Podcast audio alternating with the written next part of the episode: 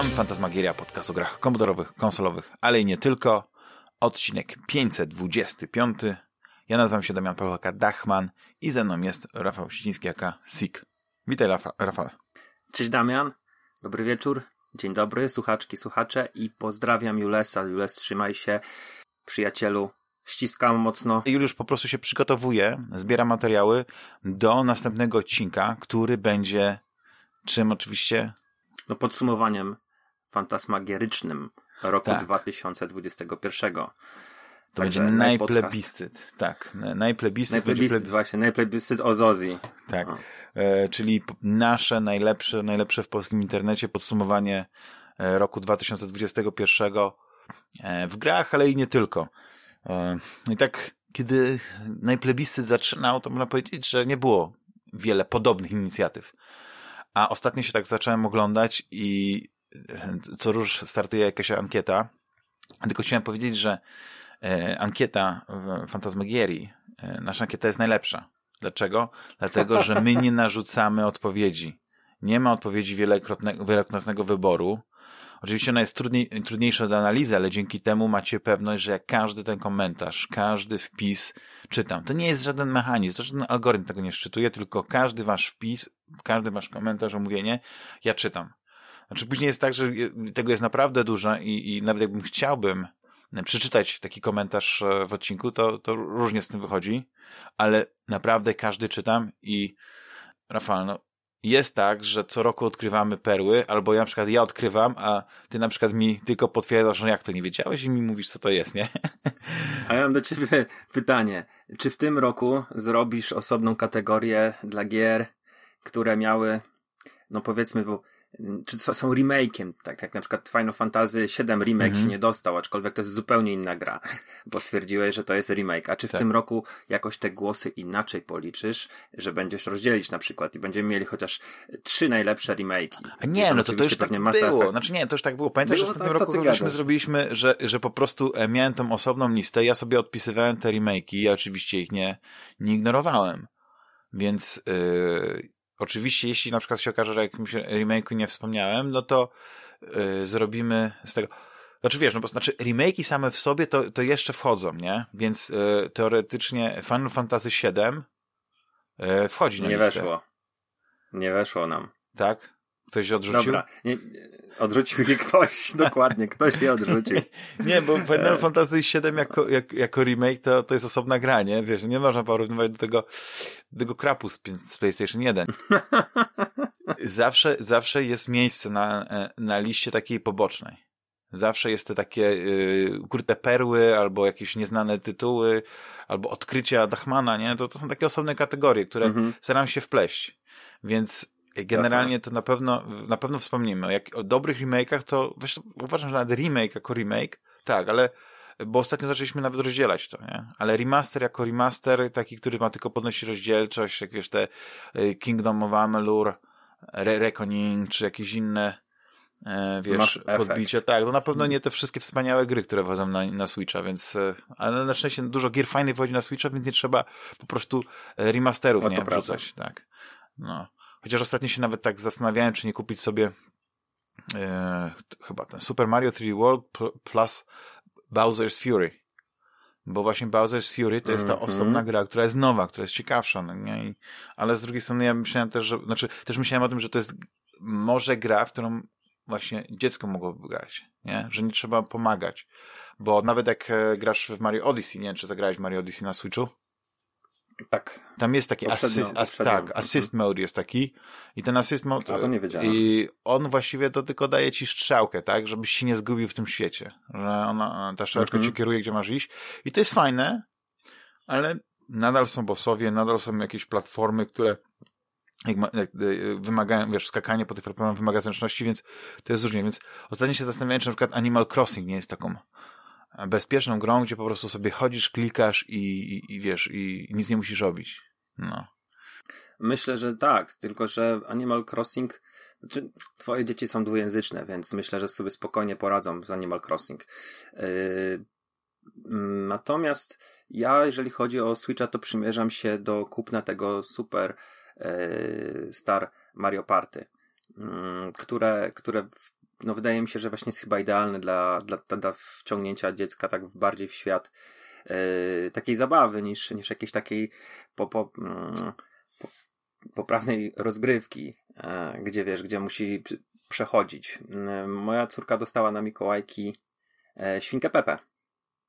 I to jest, wiesz, mm, bardzo prymitywna w, w swoich tam mechanikach przygodówka. Tworzymy postać, która porusza się za świnką Pepą i gdzieś tam e, a to świnka musi mm, znaleźć okulary tacie śwince, a to e, musimy coś tam podnieść i, i nie jest to jakoś specjalnie komunikowane też e, za pomocą jakichś strzałek czy coś w tym rodzaju, tylko po prostu mamy e, świat, po którym się poruszamy i wiesz co, no nie za bardzo ją to zachwyca tak widzę, że mhm. mm, fajnie się chodzi jej i, i wiesz, gdzieś tam jakieś rzeczy robi, natomiast e, te zadania, gdzieś się tam coś rozprasza i zapomina, co ma robić, więc e, nie chcę tutaj mówić, że mm, może moja córka jest za mała, bo to jest niby od trzech e, lat, ale chyba bardziej takie krótkie, skondensowane rzeczy, jakieś takie właśnie krótkie gierki, jak będą w Mario Superstar, Party, Mario Super, mhm. par, Party Superstar. E, mogę ją bardziej zajarać. Natomiast no, u nas hitem jest cały czas Lego, nie? E, gdzieś tam we dwójkę możemy grać w niej i rzeczy, które mm, są cięższe do zrobienia, to jej pomagam, albo, ale już coraz mhm. lepiej ten kontroler opanowuje i, i w to się chyba najbardziej podoba grać. Aczkolwiek wiesz, no to jest tak, że gdzieś tam jest plac zabaw obok, e, obok posterunku policji, więc ona musi spędzić 15 minut na placu zabaw, pochuśtać na huśtawkach, dopiero później możemy jakieś zadanie zrobić. No i ten progres jest strasznie powolny. Widzisz, bo ty chcesz Ale przejść grę, a, a córka chce się tam pobawić, jak w piaskownicy właśnie. Gra piaskownica. Mhm. Ale to ja, ja, ja miałem tylko właśnie to, jak ktoś właśnie lubi chodzić i rozwijać, to też jest fajne. Nie, w tym mieście można sobie chodzić. No, ale y, y, generalnie to jeszcze tylko tak y, przypomnę y, dla tych, którzy nie czytają postów na stronie fantasmagiery.net, y, nie wchodzą na Facebooka, na Twittera czy na Instagrama, link do tej wspaniałej naszej ankiety jest e, tinyurl.com ukośnik najplebiscyt 2021. I nie wiem, czy jaka w przypadku Tiny URL e, wielkość liter ma znaczenie, ale najplebiscyt dużą literą. N plebiscyt.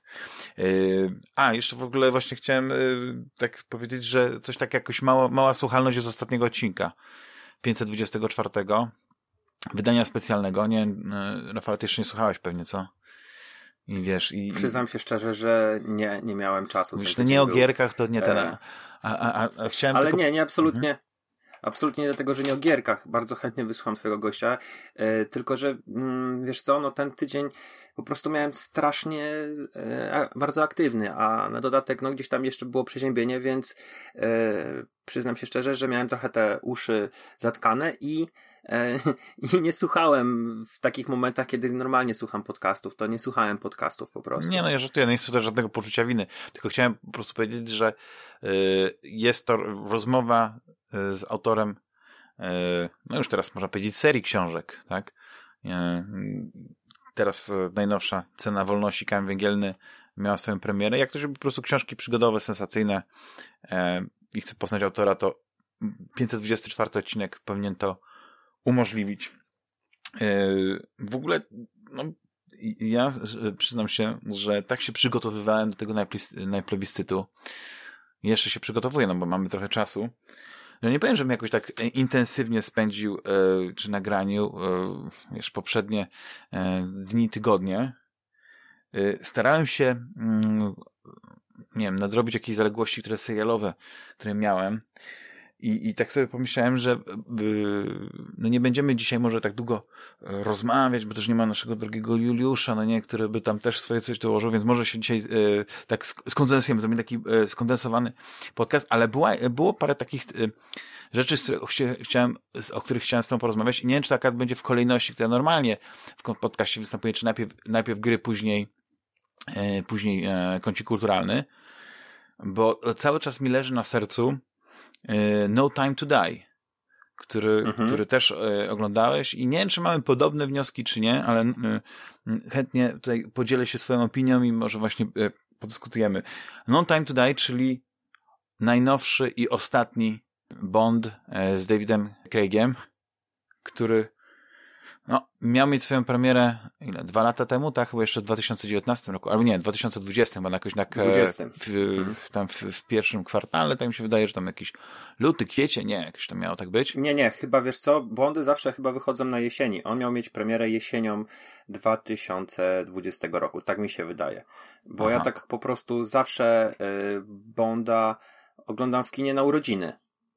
E, I to tak właśnie wydaje mi się, o, o, przynajmniej cztery ostatnie Bondy tak oglądałem, więc e, wydaje mi się, że to miało być, premiera miała być jakoś wrze, wrzesień światowa, końcówka września u nas w październiku 2020.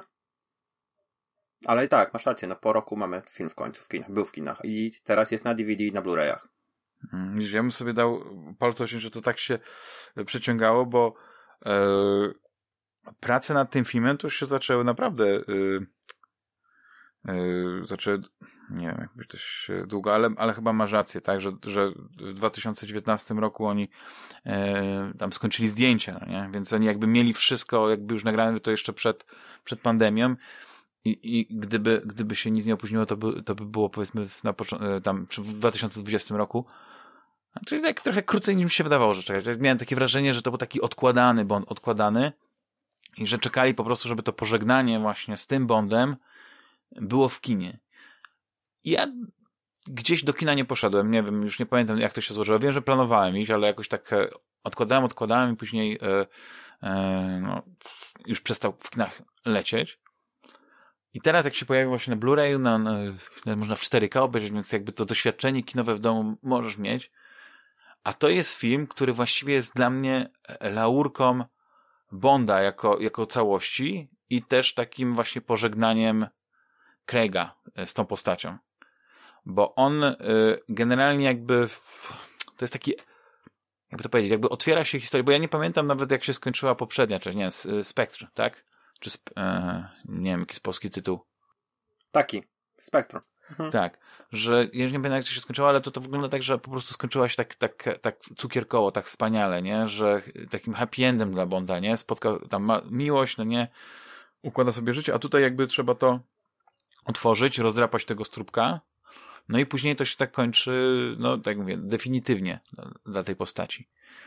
E, Aczkolwiek James Bond wróci. Tak, tak. Znaczy, no, no, wiesz co, dużo było tego takiego szumu, że kto ma zastąpić, czy to ma być kobieta, czy mężczyzna.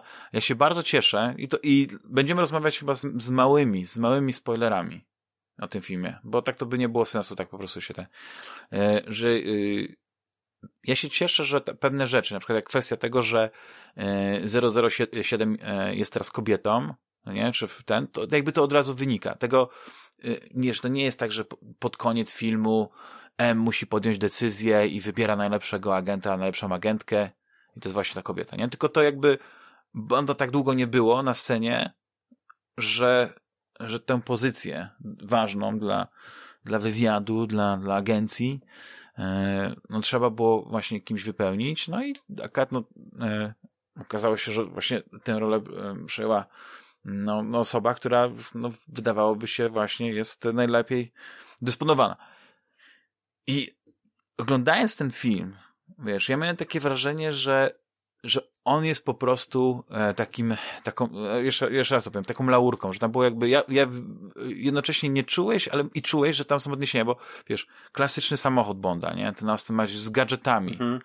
e, sceny akcji, wiesz, takie właśnie też takie klasyczne, ale oczywiście podkręcone na maksa, no bo jednak trzeba wykorzystać nowoczesną technikę, e, przepiękne plenery, więc znowu masz E, znaczy, to zawsze miało znaczenie, nie? Ale znowu masz tak, że to jest taki film też, e, który gra e, miejscem.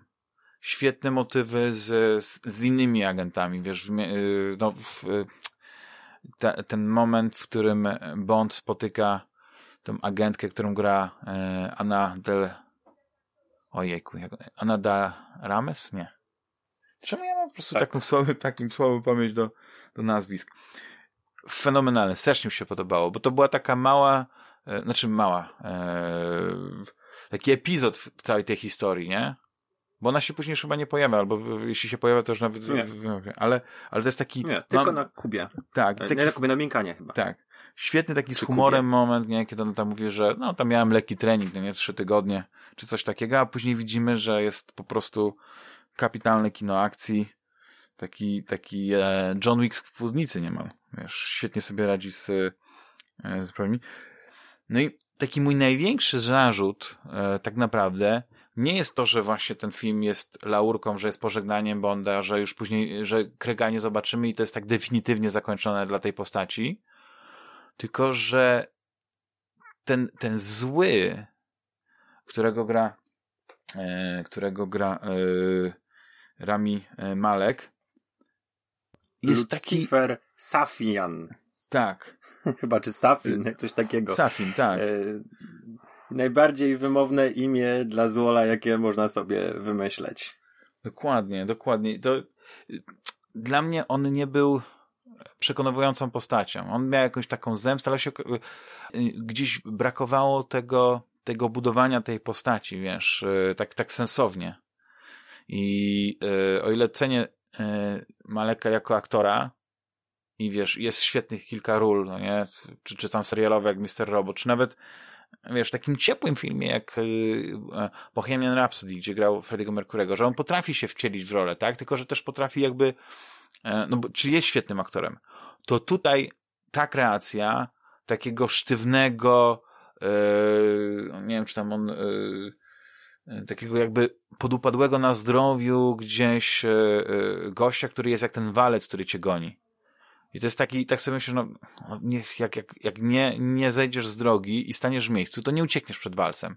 Ale wystarczy, że dasz krok w bok, albo gdzieś tam ten, wiesz, jakby nie była, nie było nic złowieszczego poza tą twarzą i tego elementu na początku, że miał tą maskę, wiesz, no budowało jakąś tajemnicę, że nie wiedziałeś o co chodzi, a później e, moim zdaniem e, gdzieś to wszystko się rozmyło i, i, i cała ta intryga taka e, ona mogłaby pasować faktycznie do tych Bondów e, właśnie z, z lat 60., 70., jeszcze za czasów Shona Connorego, e, gdzie dużo rzeczy się jakby brało z przymrużeniem oka, nie? I, i, i ten, a, Mhm. ale ten Bond nowy, że jesteśmy takiego do, do bardzo poważnego Bonda. I to się mi kłóciło, że nie, nie widziałem tego, tego wszystkiego. No ale nie wiem, no takie, tak, takie miałem wrażenie, że ten film e, powstał dlatego, że było duże Że ciśnienie, powstać? tak, żeby po prostu Craig Mhm. jeszcze raz się wcielił w tę rolę i gdzieś pewnie Craig powiedział, dobrze, ale to musi się tak skończyć, że już nigdy nie będę e, do tej roli musiał wrócić. Chociaż, e, kto wie, no mogli, jakby znowu pieniądze miały zagrać, to mogliby zrobić coś jak z Matrix 4, nie? Tam pokręcić tutaj ten, jakieś nanoboty, e, coś, wiesz, e, znasz fantastyczną serię filmów Fast and Furious. Tak, no bo on mógł się tam potknąć, spaść do wody z klifu. Tak, E, dokładnie. wszystko Skoczyć do lodówki e, aluminiowej tam. E, no, wiesz co, trochę zacznę od tego, że mm, od tej Naomi jako 007 wydaje mi się, że ten film fajnie się rozlicza z pewnym mm, z pewnym trendem, który istnieje w Hollywood, czyli dawania postaciom kobiecym ról, które wcześniej były napisane i były pisane cały czas historycznie dla mężczyzn. Yy, Przykład taki dla mnie najbardziej oczywisty to są Ghostbusters, tak? Gdzie nagle yy, mężczyźni zostali zamieniani ekipą e, kobiet i po pierwsze ten film nie siadł, a po drugie na te kobiety spadła lawina krytyki, bo tak jakby one były odpowiedzialne po prostu za to, że ten film był słaby. Tak. Może było to ich wina, ale to To, nie że, jest... najlepsze jest to, że jak yy, im dłużej myśli na przykład o, tym, o tej żeńskiej wersji Ghostbuster, to ona została zrobiona e, w myśl tej zasady, której, której powstały e, pierwszy, e, pierwszy film Ghostbuster powstał. Czyli też komiczki Mhm. z SNL-a i tak dalej, więc tam było ten. No ale to jest dłu- dłuższa sprawa. Nie chcę tutaj ani bronić, ani też Tak. atakować tego filmu, bo, bo generalnie jest słaby, nie? No, ale, ale dos- doskonale cię Czyli rozumiem. nie piszemy, nie piszemy roli dla kobiety, e, która nowej roli, żeby pokazać, że jeżeli mamy, potrzebujemy silnej ko- postaci kobiecej, która ma jakieś tam cechy, to bierzemy postać męską i po prostu robimy podmianę płci. I to jest krytykowane nie tylko przez y, mężczyzn, y, ale też przez, wydaje mi się, część y, środowiska feministycznego, bo to jest ten wake feminizm, tak? A który, który ma przeciwników e, w obu stronach, po obu płciach. I tutaj, wiesz, pojawia się Bond w biurze i mamy nową 007 i nikt na nią nagle przestaje zwracać uwagę, po prostu pojawia się Bond, James Bond, który jest legendą i każdy ją ma gdzieś, absolutnie każdy ją ignoruje. Ona wchodzi za Bondem do gabinetu M i zaraz z niego wychodzi i y, Manny Penny w ogóle tak jakby ją traktuje jak powietrze i Bill Tanner też tak jakby w ogóle przestają na nią patrzeć, w ogóle staje się duchem y, i jasne, ona tam później z Bondem leci na ostateczną konfrontację, ale też jest sprowadzona do, w pewnym momencie do, e, do dobra, jedź, wsiadaj wódkę, e, będziesz tutaj musiała zabrać moją miłość i cześć. I wiem, że e, wiem, że wiele, wiele osób upatruje w tym jakiegoś tam, no nie wiem, światełka, że o, będzie, będzie następny Bond, będzie kobietą. Ja nie sądzę. Nie, sądzę, dlatego, że jest było dobitne napisach, pokazanie. Tak, napisach końcowych, napisa, znaczy napisy końcowe pokazują James Bond powróci. Czytam, e, więc jeśli James powróci, to znaczy, że e, no to będzie inna osoba, to nie będzie Nomi, tylko właśnie. Tak. Tylko... I mam nadzieję, i mam nadzieję, że zamykamy temat Spectre, e, Bofelda. E, wydaje mi się, że Safin e, w, na Kubie już doskonale poprowadził e, te, ten, te pod, swoje podwaliny do planu i, e, i znaczy, to tak, to, to, to że to, co tam się stało, mhm, tak? tak. Że nowy Bond to będzie świeży Bond ze świeżymi przeciwnikami, może z jakąś nową ekipą, z jakimś nowym mastermindem. Nie wrócimy do tematu Blofelda przez kilkanaście, może i kilkadziesiąt lat. Ale mm, dlaczego by na przykład nie mógł wrócić M, Q, ta Paloma, którą grała Anna de Arms? to by było fajne, nie? Że, że wiesz, że wrócą tak zresztą jak wracała właśnie M z, mm, z filmów przecież z... Z Brosmanem. Tak, do, do filmów No była takim punktem łączącym, no faktycznie. Mhm. I to było też fajne, że gdzieś tam ten Fines, który, e, czy Fines, nie wiem jak się tego nazwisko e, czyta, mm, który gdzieś tam był jej, powiedzmy, prawą ręką, nagle on został awansowany na M i, i to wszystko e, grało, nie? Więc teraz będziemy mieli może nowego Bonda, może ktoś inny zastąpi M, na przykład ten Bill Tanner, który gdzieś tam obok niego był. Całkiem fajna, przyjemna postać. No, mam nadzieję, że, te, że to będziemy mieli yy, naprawdę nowego Bonda, w nowym, z nowymi przeciwnikami, w, now, no, w nowej mhm. jakości. Znaczy, ta, ta, ta oczywiście jakość tego Craigowa nie była tak. zła, ale po prostu bez tego całego bagażu już, nie? Bez tych miłości z Madeleine Swan, e, wiesz, pojawia się nowy James Bond, jest flirt z Money Penny, jest misja od M, są gadżety od Q, jedziemy, robimy wybuchy, robimy ostateczną konfrontację, Bond wygrywa, kolejny Bond i to, to, to, to ja na to czekam, nie? A no ale to był taki, od, od, wiesz, to był taki tak zwany stand-alone, a oni chociaż wiesz, na przykład Casino Royale można było obejrzeć i nie musiałeś oglądać Quantum of Solace, nie musiałeś oglądać Skyfalla i tak dalej. Ale oni się zdecydowali mhm. zrobić z tego e, Bond Cinematic Universe. I w tym momencie, mhm. jak oni zaczęli łączyć te, te, więc to jest ta fa jeśli liczyć, że powiedzmy od, zresetowali Bonda, to to jest ta faza pierwsza i mogą teraz robić fazę drugą. I, I ja mam problem na przykład z Marvelem, z tymi filmami, że, że oni po prostu wszystko muszą łączyć, że to wszystko jednak musi wynikać, że oni już mają tych faz, nie wiem, teraz jest piąta czy któraś i nagle to zaczyna wszystko być, e, musi się pilnować, nie? I to jest mhm. dobre dla kogoś, kto, kto chce, żeby był kanon, nie? Żeby wszyscy siedzieli, ale skoro pewne rzeczy się zmieniają, pewni aktorzy się zmieniają, to można zrobić tak, jak na przykład było z, z Batmanem, nie? Że Batman Jasne. jest resetowany co, co jakiś czas. Był Batman Burtona, był później e, Nolana, e, teraz e, nie wiem, kto, kto robi nowego Batmana? Tego z, z, z tym fajnym aktorem ze Zmierzchu? Wiesz co, z, Pat, z Pattisonem. Pattisonem. Nie pamiętam. No mniejsza z tym, no ale to będzie powiedzmy nowy Batman i on się zapowiada dosyć ciekawie, no nie? Mimo wszystko. I, I to może być nowa, wiesz, znowu coś nowego, nie? Wiesz, znowu jakieś odświeżenie tej historii, nie? Mhm.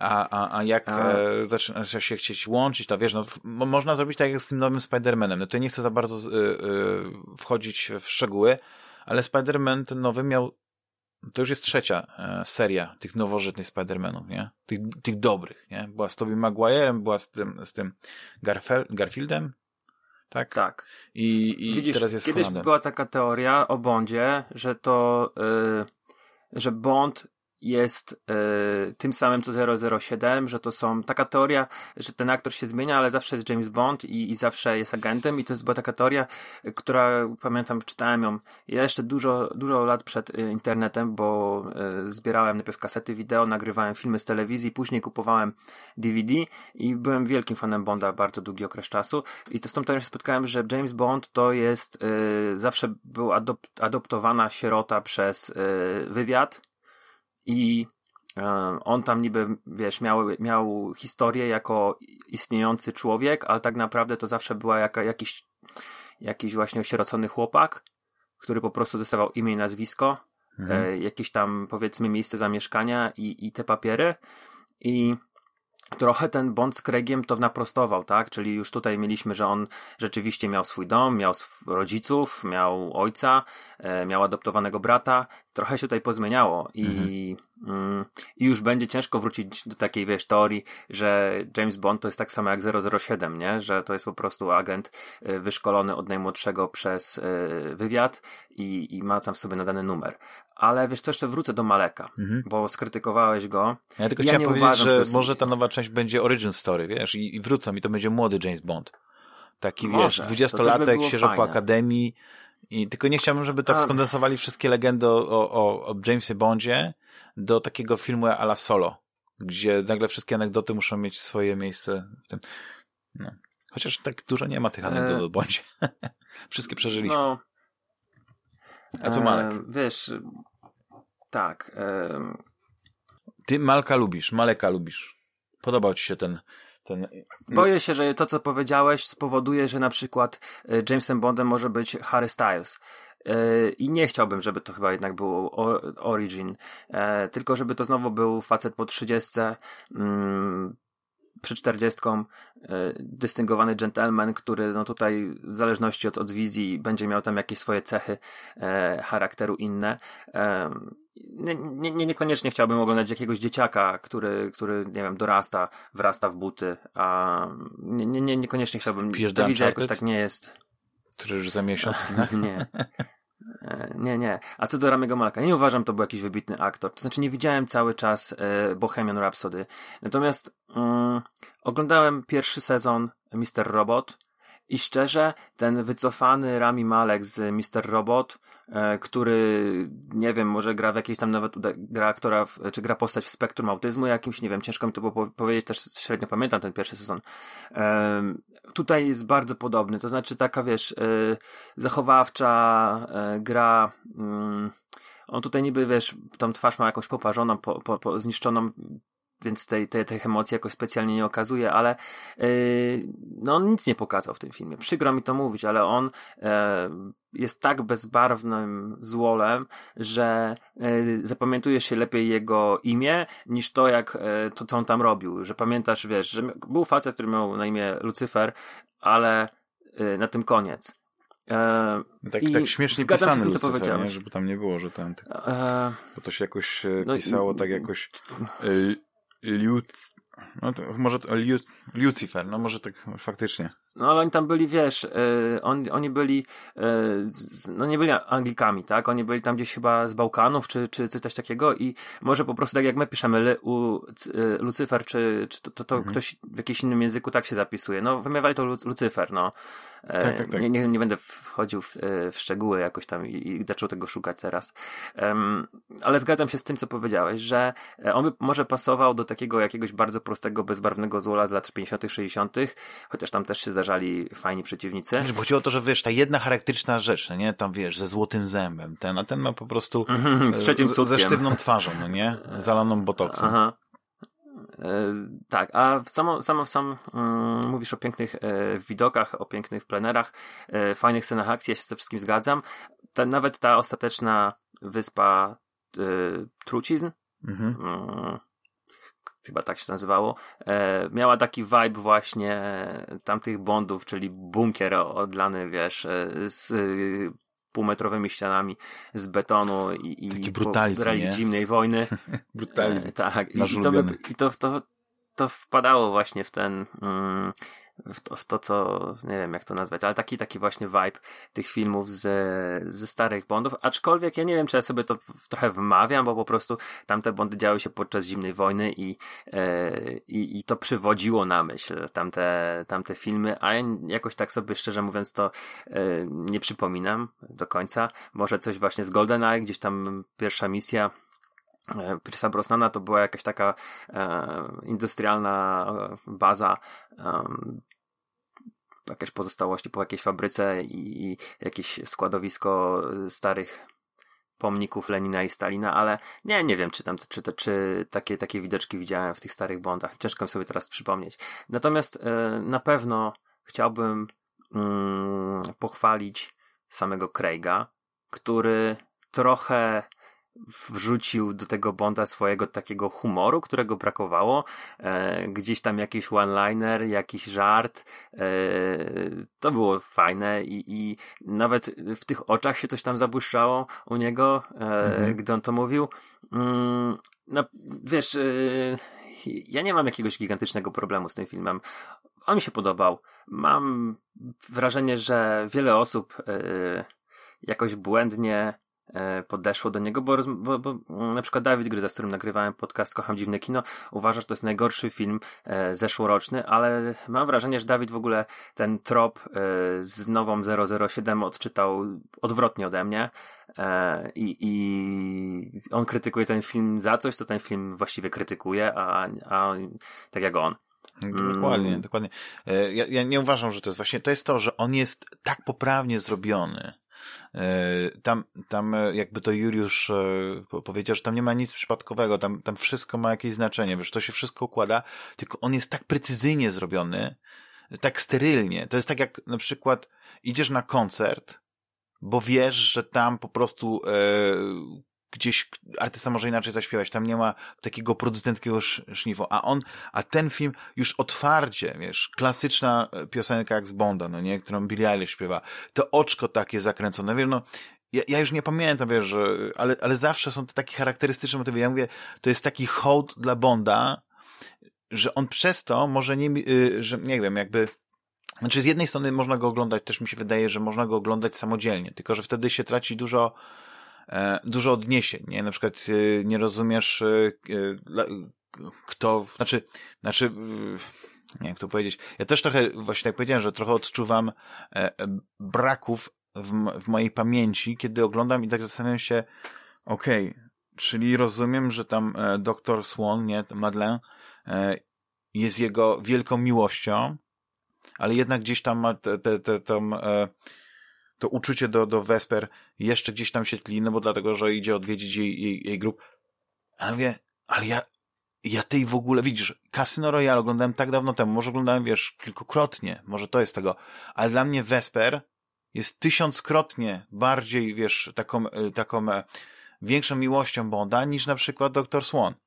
I nie wiem, czy to jest kwestia tego, że Dr. Swan się pojawiła tylko w poprzedniej części, tak? Bo, bo rozumiem, że jej wcześniej nie było i dlatego, i, mhm. i, i ona, nie wiem, także po prostu zakończenie z... Widzisz, to jest, odnoszę się do rzeczy, które pewnie jakbym chciał się bardziej przygotować, to, to bym się bardziej przygotował, bym sobie jeszcze raz obejrzał, nie, Spektrę.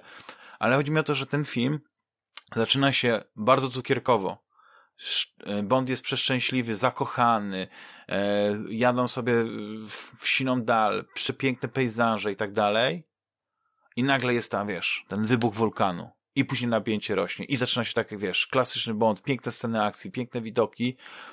I później znowu jest jakieś takie dziwne przerwanie, no nie, no bo yy, Bond po prostu yy, wybiera jakby, wiesz, ochronę ukochanej osoby, nie, niż, niż Yy, niż jakby, nie jak to powiedzieć, własne szczęście, nie wiem, jakby to, wiesz, jakby to tłumaczyć, nie, bo to i tak później się okazuje, że Wiesz, loty, losy i tak się splotą. I tak, i tak może lepiej by zrobił, gdyby wybrał właśnie tą ścieżkę od razu, że po prostu z kimś będzie i będzie po prostu bardziej uważał, no nie, na co się dzieje. Ale szczerze mhm. mówiąc, te wszystkie momenty, no niektóre były w filmie, to były, to były dla mnie, żeby wiesz, zakończyć definitywnie sprawę Spektry. No i tak jest zakończona sprawa Spektry, nie?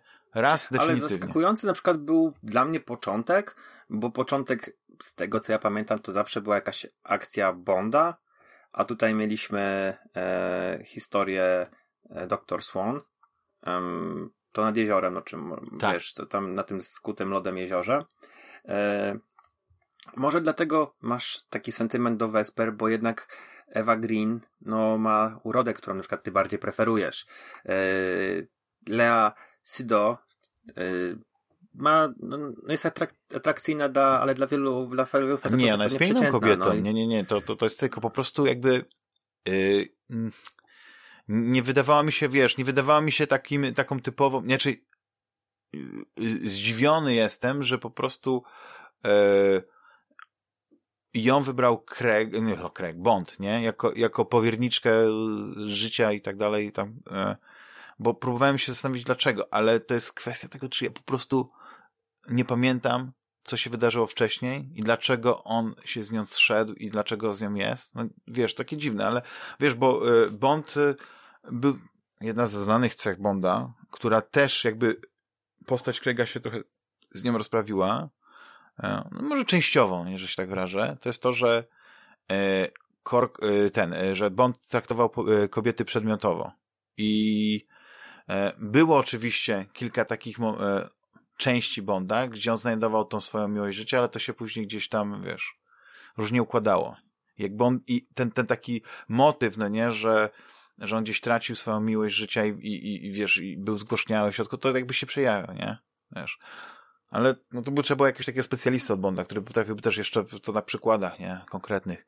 Ale wiesz, na przykład, nie wiem, e, który to Bond się zaczyna właśnie od takich, że w sobie Królewskiej Mości się tak zaczyna, że, że on... Nie, on się kończy, on się kończy śmiercią żony Bonda, a pierwszy film z Rogerem Moorem kończy się, zaczyna się tym, że Bond składa kwiaty na grobie swojej żony. Widzisz, bo ja próbuję sobie e... przypomnieć ten, z tych takich już po Rogerze Moorze, e, nie wiem, który to był film, gdzie wydawało mi się, że e, i nie wiem, czy to nie była ta, ta, ta, ten jeden film z tym, z tym, z tym aktorem, który się, który się nie przyjął, który miał po prostu tylko... E... Lazenby, tak, mówię, z Lazenby, sorry, powiedziałem z Craigiem chyba, z Lazenby. E, to był, mówię, w Tajnej Służbie i Królewskiej Mości, tam jest Blomfeld, są, są w Alpach i e, Bond tam poznaje e, w tej, w tej takiej powiedzmy, no nie wiem, posiadłości Blomfelda dziewczynę, e, na końcu biorą ślub i są zaatakowani na plaży, ona ginie. I tak mhm. się kończy Bond w tajnej król, służbie i królewskiej mości. A, I nasz pierwszy Bond, którym wystąpił Roger Moore, zaczyna się od sceny, gdzie, bo później wracał y, jeszcze Sean Connery na jeden, mhm. a później pierwszy chyba właśnie film z Rogerem Moorem to był właśnie taki, że on jest na, na grobie swojej żony e, i e, jest sterowany helikopter, o ile się nie mylę, czy coś w tym rodzaju. E, Blomfeld siedzi y, na wózku chyba, operuje tym pilotem i tym helikopterem, jakoś Bond chyba y, udaje mu się to obejść i zrzuca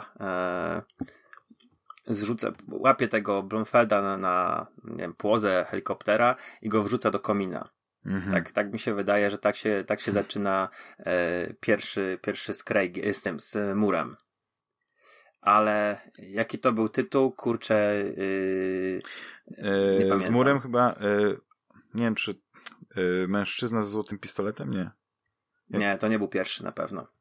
Z, z Rogerem Murem? Pier z Rogerem Murem pierwszy to był ten, gdzie był Baron y, Samodi, taki y, mm, kurczę, to był film, gdzie, gdzie trochę się działo chyba Haiti, czy coś w tym rodzaju. Żyj i pozwól umrzeć, to był pierwszy. A, przepraszam, masz rację. Tak, Live and Let Die. Żyj i pozwól umrzeć.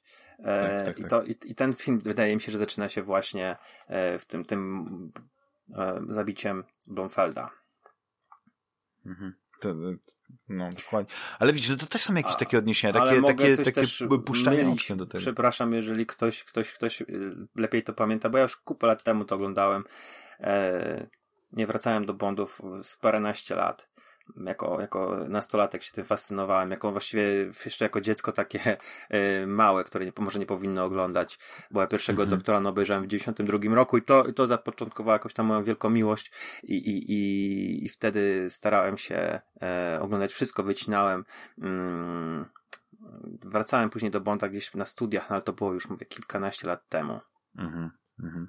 Nie no, ale i tak masz 100 e, razy lepszą pamięć, bo wiesz, mi, mi, mi gdzieś tam świta, no nie, tylko w którym kościele tam dzwoni, a ty widzisz, wiedziałeś konkretnie o co mi chodzi. Ale gdzieś yy, ja jestem rozdarty, bo moim zdaniem to nie jest, jest słaby film, tylko taki, tylko uważam, że po prostu ten film e, powstał tylko z jednego powodu, żeby, żeby po prostu jeszcze wytwórnia e, zarobiła na Bondzie i żeby jeszcze raz się Craig pojawił ale, ale w porównaniu na przykład do, do innego filmu, o którym rozmawialiśmy e, dwa odcinki temu, czyli Matrix 4, to Matrix 4 został cynicznie zrobiony dla pieniędzy i e, ten autokomentarz jest w samym filmie. A tutaj nie możesz tak zarzucić, wiesz, że sam film po prostu się odnosi i widać, że, że, e, że Craigowi się nie chciało grać. Tak mówisz, no, Craig wypadł fantastycznie. Te sceny z nim są fantastyczne, wiesz, ta, ta interakcja, tylko ten film po prostu mnóstwo też rzeczy zamyka. Tak jak wspomniałem o tej spektrze, zamyka sprawę Blomfelda, yy, zamyka sprawę yy, tego Felixa, no nie? Przyjaciela z, yy, z CIA. I, I moim zdaniem to jest takie, Dobra. to są podwaliny Prze pewnego resetu, nie? Jak myślisz? Właśnie. Pomyliłem się. Pomyliłem się. E, to nie jest. E, przepraszam, przerwałem i znowu wracam do tego wątku. To nie jest scena z pierwszego mura, czyli żyj, pozwól umrzeć, tylko z filmu Tylko dla twoich oczu e, z 81 roku, gdzie on właśnie jest na grobie swojej żony. E, pomyliło mi się, czyli możliwe, że ja go oglądałem właśnie jakoś po Diamenty są wieczne i, i nie, w, nie w kolejności chronologicznej, dlatego gdzieś tam w głowie mi żyło, że to, to się dzieje, e, to był pierwszy film z Murem, ale nie, pierwszy film z Murem to jest Żyj, pozwól umrzeć i on nie ma tej sceny. Dokładnie. E, tylko dla twoich oczu. No, ale, ale w stu procentach, w stu procentach e, dobrze pamiętałeś właśnie, że Bond i, i jego żona Tracy, no nie, właśnie zginęli E, zamordowani przez e, ludzi. No tam henchmenów jakichś tam. Tak, tak, tak. Blomfelda. Tak. O, nie wiem, czy tam właśnie Bond umiera, czy tylko. Bond chyba nie umiera, ona, nie, nie. ona tylko umiera, ale. Tak. Widzisz, to jest, to jest to, że to jest, to jest taki, to jest kapitalna historia i, i e, znaczy historia, wróć. To jest ka, e, kapitalny taki, Seria. taki um, taki, takie narzędzie właśnie do konstruowania tych filmów akcji, no nie? Że, że nie musisz się trzymać wszystkiego. Bo ja na przykład jestem, jestem fanem rzeczy, czy, czy budowania kanonu. Ja naprawdę mhm. y, byłem pod wrażeniem, ale to, to musi być robione tak, jak to robił George Lucas. To, to pilnowanie, wiesz, tego, to, to wydawanie mnóstwa pieniędzy na ludzi, którzy będą pilnowali, żeby nawet gry wideo, no nie, były w kanonie, a później Jeszcze nawet musi być, jeszcze trzeba pieczątkę sobie kupić, taką sobie, że wszystko się, on wszystko akceptował, taką pieczątkę tak. accepted by George Lucas. I wtedy masz y pewność, że każda rzecz ma znaczenie i wtedy możesz też budować teorię i, i, i pilnować się, że wszystko ma znaczenie. Ale później jak już wasz reżyserów, to tak jak J.J. Abrams, no niektórzy po prostu odchodzą. Nie obchodzi ich spuścizna, obchodzi ich, żeby zrobić coś, co, co będzie y, się podobało fanom, ale też, że wciągnie y, nową publikę kosztem bardzo ma marginalnej grupy tych takich, e, takich psychofanów. Bo wiesz, że, że tak naprawdę większość ludzi prawdopodobnie te nowe Gwiezdne Wojny się podobały, nie? Że taki chyba odbiór był raczej pozytywny, nie? I tam e, takich narzekaczy mm. jak na przykład ja, którzy na przykład narzekają na, na, na te filmy, nie ze względu nawet na to, że one burzą kanon, bo do tego już się przyzwyczaiłem, nie? I że jak chcesz pewnie wrócić do tego, to już to są te legendy w cudzysłowie, ale, ale gdzieś tam, no nie, ale chyba wiesz, o co mi chodzi, nie? Ale wiesz co, ja, czy, czy oni, oni chyba sobie zdają sprawę, jak położyli e, tą trylogię, trylogię sequeli, bo zwróć uwagę, że wszystkie projekty, jakie zapowiedzieli te serialowe na Disney Plus, bo na razie chyba nie mówimy w ogóle o filmach z Gwiezdnych Wojen. I to tak e, trylogia mm, tych od e, Gry o Tron, ten pomysł chyba już umarł. E, filmy, miała być na początku trylogia później chyba jeden film gdzieś tam na uboczu tego gościa, który zrobił ostatniego Jedi. E, Ryan to Johnson? też już umarło. Ryan Johnson, dokładnie. E, I wiesz, to, to, to e, ładnie weszliśmy w ogóle w temat Gwiezdnych Wojen, zrobiłeś pięknie przejście, bo ja bym chciał powiedzieć o księdze Boby Fetta, The Book of Boba Fett. Jestem po trzech odcinkach e, i powiem szczerze, że wiesz co, Damian, e, słuchacze, drodzy, oni porzucili to. Oni tam sobie coś zaczęli budować i totalnie to porzucili.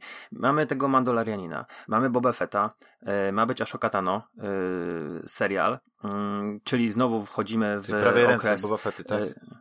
A nie, przepraszam, to jest ta z, z, z tych dzieje- Clone, War, Clone Wars, tak? Tak, ale to się dzieje e, chronologicznie tak jak Mandalorianin i prawdopodobnie jak Boba Fett, czyli się dzieje po szóstym epizodzie.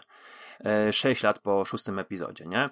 E, Mamy Tomasza Ketano, e, mamy e, był taki e, serial, który już skasowali. Mieli taki pomysł na mm, wzięcie tam właśnie Giny Carano, Timothy Olifanta chyba, tego, e, tej postaci, którą grał... Bill Burr? mm, Może Bill Burr, Nie, może, nie wiem. okej. W każdym razie oni mieli tworzyć taką właśnie ps- szeryfów, nie? E, pogranicza. I, I tam zapowiedzieli to. Będzie ten serial o Obi-Wanie Kenobim. Wraca Iwan McGregor i to się będzie działo między trzecim a czwartym epizodem. Nic, nic, totalnie. Tak samo w książkach, znaczy może, może y, se, komiksy i książki trochę nam rozwijają y, to, to tamten okres y, sequeli. Raczej wątpię. Naprawdę, y, może to się dzieje trochę przed właśnie siódmym, albo coś w tym rodzaju, natomiast teraz przecież jest ta High Republic i teraz wchodzimy w drugą fazę. Poszło chyba sześć książek, y, ileś tam komiksów, i, czy tam pięć książek, ileś tam komiksów i i, i wchodzimy w kolejną fazę. E, gra od Quantic Dreams będzie e, działa się w High Republic. E, podejrzewam, że będziemy mieli kontynuację Fallen Order. Gdzieś tam kolejne, coś tam, jakiś projekt zapowiedziany też się nie będzie działo w tym okresie sequeli. Oni to totalnie porzucili. Tak jakby wiesz, chcieli się, żeby wszyscy o tym zapomnieli.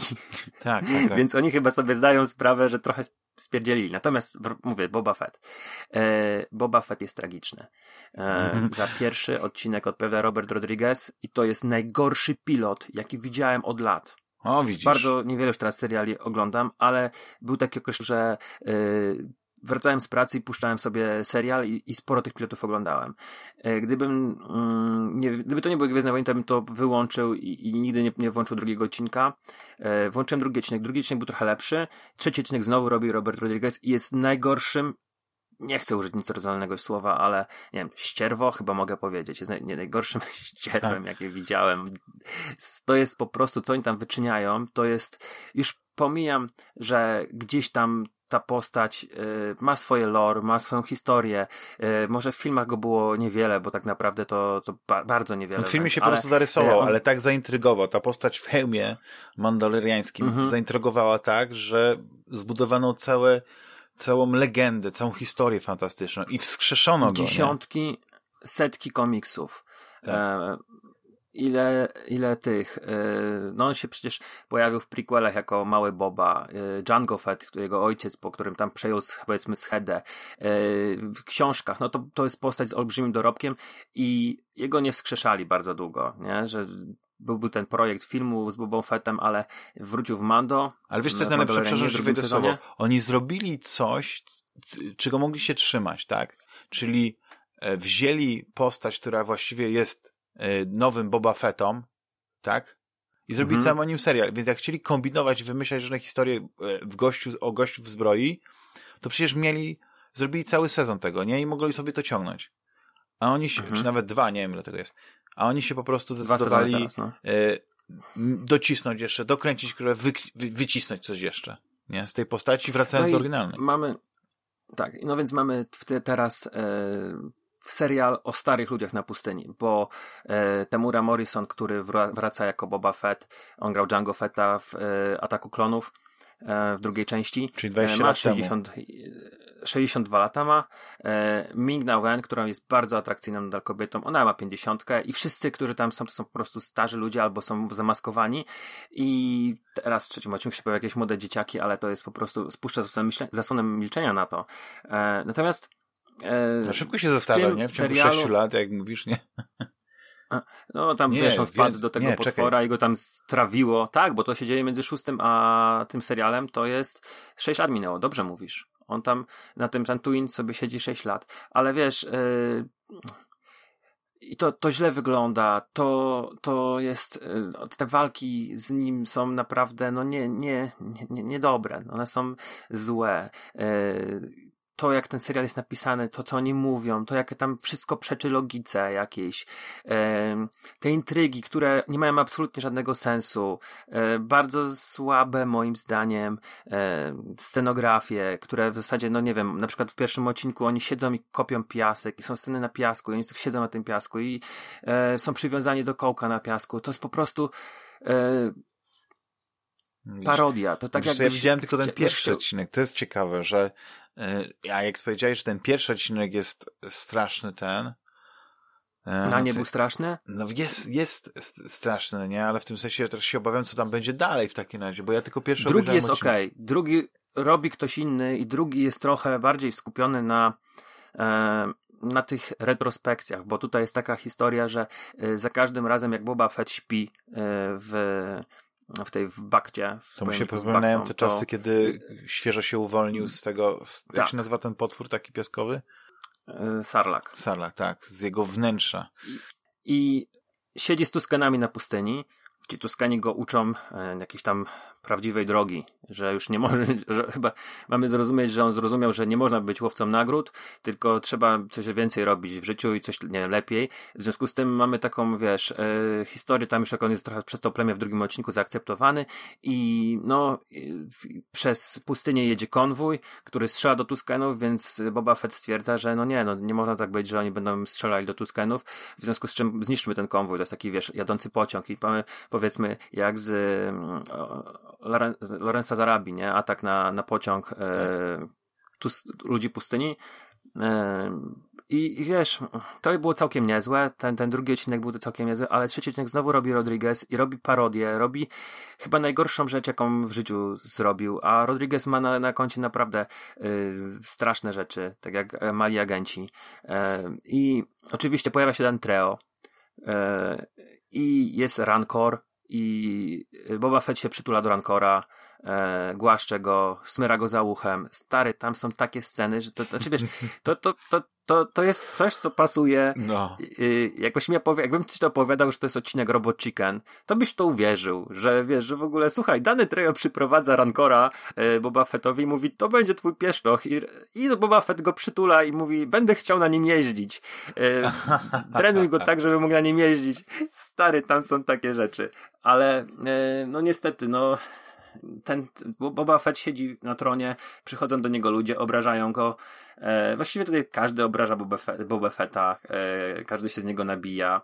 Ale trzeci odcinek też ma jedną z najgorszych scen pościgu, jakie widziałem e, w serialu science fiction, e, bo jest to pościg tak totalnie pozbawiony dynamiki tak totalnie pozbawiony jakiejś y, wrażenia prędkości, że masz wrażenie, jak to, znaczy ja miałem to wrażenie, jak oglądałem, że tam ktoś zaraz będzie biegał obok tego ścigacza i go prześcignie. Y, jedno z najbardziej kuriozalnych doświadczeń to było to oglądanie trzeciego odcinka. Miałem lekką gorączkę w ogóle wtedy i, e, i już wiesz, tak oglądałem go. Wiesz, czy ja mam jakieś mamy? Po całym dniu. Więc naprawdę y, skończyłem ten odcinek i zastanawiałem się przez chwilę, czy ja to na, czy oni to naprawdę zrobili, czy oni to naprawdę tam te sceny były, czy ja może przypadkiem sobie czegoś nie, nie przysnąłem i nie wymyśliłem, ale nie, no trochę sobie tam podcofałem i nie, to, to jest y, to, to jest serial o starych ludziach, którzy po prostu siedzą, głównie siedzą, sceny akcji są słabe i y, jeżeli ktoś myśli, że wejdzie Disney Plus do Polski i będzie miał ucztę, to polecam tylko się skupić na razie na Mandalorianinie, a Boba Fetta sobie mhm. całkowicie odpuścić, bo to niszczy wszystko. E, nie tylko legendę Boby Fetta, ale też e, dobry smak po, jaki jeżeli ktoś ma po Mando, a jeżeli słuchaliście wcześniejszych podcastów, gdzie mówiliśmy o Mando, to wiecie, że ja nie byłem fanem tego serialu. E, I uważam, że jest w wielu momentach słaby. A to Boba Fett niszczy też, e, jeżeli macie jakikolwiek dobry smak po Gwiezdnych Wojnach, tych, które funduje Disney, to wam to też zniszczy. E, jest obraźliwy dla fanów, tak mi się przynajmniej wydaje i e, obejrzę te cztery następne odcinki, bo mm, lubię się, lubię oglądać tak, z przykora, lubię też, wiecie, ja lubię też oglądać słabe rzeczy, ale y, umiem je też ocenić odpowiednio, a to jest, to nie jest y, rzecz tak zła, że aż dobra, tylko to jest po prostu tak y, zła, że aż żałosna. Mhm. Mhm. Widzisz, ja na przykład obejrzałem tylko jeden odcinek i tak sobie pomyślałem, że rozumiem, że oni e, e, nie nie chcą się posiłkować w żaden sposób e, całą tą bogatą historią Boba Fetta, jako że on się tam wydostał, nie, z tego skarlaka, czy tam tego potwora pustynnego. Ale też właśnie tak patrzyłem i mówię, jakby ten człowiek, nie wiem, faktycznie może ci, w tej historii, w tej wersji, w tym, w tej, tym odłamie uniwersum, tej nitce strunie wszechświata, wiesz, Boba Fett przeszedł właśnie jakiś taki wiesz, jakąś taką zmianę w życiu, nie? I też jak tak mówisz o tych tus, ta, ta, ta, ludziach pustyniach, Tuskanowie, no. Tuskanowie. Tuskanowie, dobrze. Że to są, że to byli bandyci, to była najgorsza, wiesz, dzicz, nie? Wiesz, oni się nie paczeskowali, tam nie było, wiesz, jakichś sentymentów i tak dalej, że trzeba ten... Ja też się zastanawiam w ogóle, nie wiem, czy, tu, czy Tuskanowie zdejmują na przykład maskę, żeby zobaczyć, jak wyglądają w środku, czy to są normalni ludzie, czy, czy jakieś wiesz, kosmici. Nie wiem, chyba nikt tego nie wie. No właśnie. Wiem, wiesz. że na pewno e, ich kobiety noszą inne maski, mężczyźni mają inne maski, ale chyba, chyba nikt nigdy nie pokazał Tuskanów bez maski i e, chyba nawet jeden Jedi w jakiś tam komiksie był Tuskanem, ale, ale też nie, nie sądzę, żeby był gdzieś tam przedstawiony bez maski. E, także nie, nie wiadomo. Ale wiesz, jeżeli spodziewasz się jakoś e, rozbudowy tego, e, tego wątku, bo drugi, drugi odcinek jest niezły w porównaniu z pierwszym, jeżeli chodzi o te, o te retrospekcje i, i nadaje troszeczkę innego, mm, nie wiem jak to powiedzieć, takiego trochę mojego odczucia wobec tego wątku, że gdzieś tam rzeczywiście to jest plemię dzikusów, ale y, mają jakieś tam powiedzmy swoje wierzenia, mają jakieś tam swoje problemy i, i może po prostu życie na Tantuin ich tak zmusiło do, do, do bycia takim, a nie innym. Może są różne klany, nie? Ale, ale jeżeli się spodziewasz roz, rozbudowy tego e, wątku, to niestety Robert Rodriguez bardzo e, szybko z tego z tego myślenia cię wyprowadza. Mhm. Wiesz, bo ja... Dobra, skończmy o obie fecie, może, bo tak, to nie jest warte. Ale chciałem powiedzieć, że właśnie, tak, wiesz, zawsze na przykład wszystko, co, co widzimy, jest czymś inspirowane. I nie wiem, czy to, wiesz, tak mówisz, no nie, e, jak, jak e, e, Tuskanów poznaliśmy w, w oryginalnej trylogii, no to się jawili jako, jak, jako dzikusy, bandyci, mordercy i tak dalej. Tak jak na przykład, nie wiem, w westernach byli rdzeni mieszkańcy Ameryki przedstawiani. I teraz e, mamy okazję poznać, że nie? I ten Boba Fett jest trochę takim, e, jak się nazywał ten, ta, ta historia z Pocahontas, kurczę, z tym tym. Wiesz, że tam musi poznać, tylko wiesz, no to by było tak trochę dziwne, nie? Żeby na przykład taką, wiesz, można poznał tu, tu skenkę i tak dalej, to będzie w, w, kolejnych odcinkach, nie? Ale Boże, ale to jest po prostu hit. Z, z Rancora, wiesz, z Bestii robi, robi przytulankę. przytulankę, tak, no to, to jest, to już jest, jest horror, nie? Ale ja, ja rozumiem, że oni po prostu biorą coś i, i ktoś tylko po prostu z, powie, że im to zrobi, a fani wszystko kupią, nie? Bo to i tak się, wiesz, to i tak to ludzie obejrzą. Znaczy, dla takiego Disneya to nie ma różnicy, czy to by się film podobał, czy nie. Po prostu obejrzałeś go, nie? Ważne, Więc... że obejrzysz. I oni później no. będą mówili, że nasz nowy film obejrzało 100 milionów ludzi, nie? Czy tam milion razy został obejrzany, wiesz, albo na przykład jak e, Czerwona Nota, to tam już mówili, że już nie mówili na przykład ile osób, powiedzmy, oglądało, tylko ile godzin, wiesz, ile godzin poświęcono e, czasu na oglądanie Red Notice. Jaka to jest, wiesz, no słyszałeś kiedyś, żeby na przykład, nie wiem, box office był w kinach podawany na, godzinach. na godzinach? Tak. Ten film trwa tylko godzinę zmierzyć, 40 bo ludzie... minut, ale obejrzeli 600 milionów godzin. To sobie teraz przelicz, że nie ile tak, to może być biletów sprzedanych, ile ten. Netflix może być jeszcze uczciwy w tym rzeczywiście, jak ktoś obejrzał pół filmu, to zliczy tylko pół filmu do obejrzanych, natomiast już kina tak byś nie policzył, bo nikt nie stoi i nie patrzy, jak wyjdziesz po 15 minutach. 150 milionów użytkowników obejrzał pierwsze 5 minut y, czerwonej noty, ale jak się sumowało, to wyszło, wiesz, 700 y, milionów godzin. Ja, ja na przykład się zaliczam do osób, które obejrzały Red Notice y, dwa razy, nie? Bo chciałem, raz obejrzałem wow. z, z rodziną po polsku, z polskim dubbingiem, a drugi raz po mhm. No i wiesz, nadal to jest taki przeciętny film, no ale, no, ale to jest też kino przygodowe, które lubię, więc y, byłem rozdarty wewnętrznie, nie, bo, y, bo były rzeczy, które mi się podobały, jak na przykład, nie wiem, Ryan Reynolds i nawet, wiesz, Dwayne Johnson i rzeczy, które trochę mniej mi się podobały, jak wiesz, ta rola Gaga Dot jako, jako tej, Mhm. bishop, nie? Takiej niesamowitej przestępczyni, która po prostu e, robi twisty na plot twistach, e, twistując, nie? Bo tam wiesz, tam jest takich zwrotów akcji zakręconych co najmniej chyba z 10. I wiesz, e, teraz jak sobie myślę, to wiesz, dla Disneya jest najważniejsze, że to się w cudzysłowie sprzedało. I dla nich to jest motywacja, Tak. żeby się kręciło. Więc dopóki aktor czy aktorka z, z, z Boby Fetta nie zrobi jakiegoś czegoś, wiesz, jakiegoś mema nie puści albo krzywego tweeta, to raczej ten serial będzie, nie? E, miał drugi Mhm. sezon i, i wiesz, będziemy mieć coś podobnego prawdopodobnie z, z Obi-Wanem, więc dla mnie będzie ciekawe, no nie, co oni tam wymyślą, bo oni też muszą jakoś Obi-Wan tak... chyba będzie jednostrzałowcem, wiesz, i to robi inna ekipa. To nie robi John Favreau i Filoni. Filoni od y, tych Clone Warsów, ale chciałem cię wprowadzić z błędu i powiedzieć, tak, no, dla nich się liczy, ile osób to obejrzy, ale na pewno oceny są słabe. I wszedłem na Filmweb i patrzę, że na 773 głosy ten serial ma 7,3 i jestem w szoku. Wiesz co, e, filmy, Bo- filmy to nigdy nie miał jakichś takich, wiesz, e, znających się na rzeczy. To są, to są odbiorcy. E, Okej, ale ja bym tutaj nie, nie skreślał A na IMDB jak jest, wiesz, tam, tam zawsze E. oni, tam, bo wiesz, e, znowu powtórzę to, co e, w ostatnim odcinku padło, nie liczy się, kto głosuje, tylko kto liczy głosy.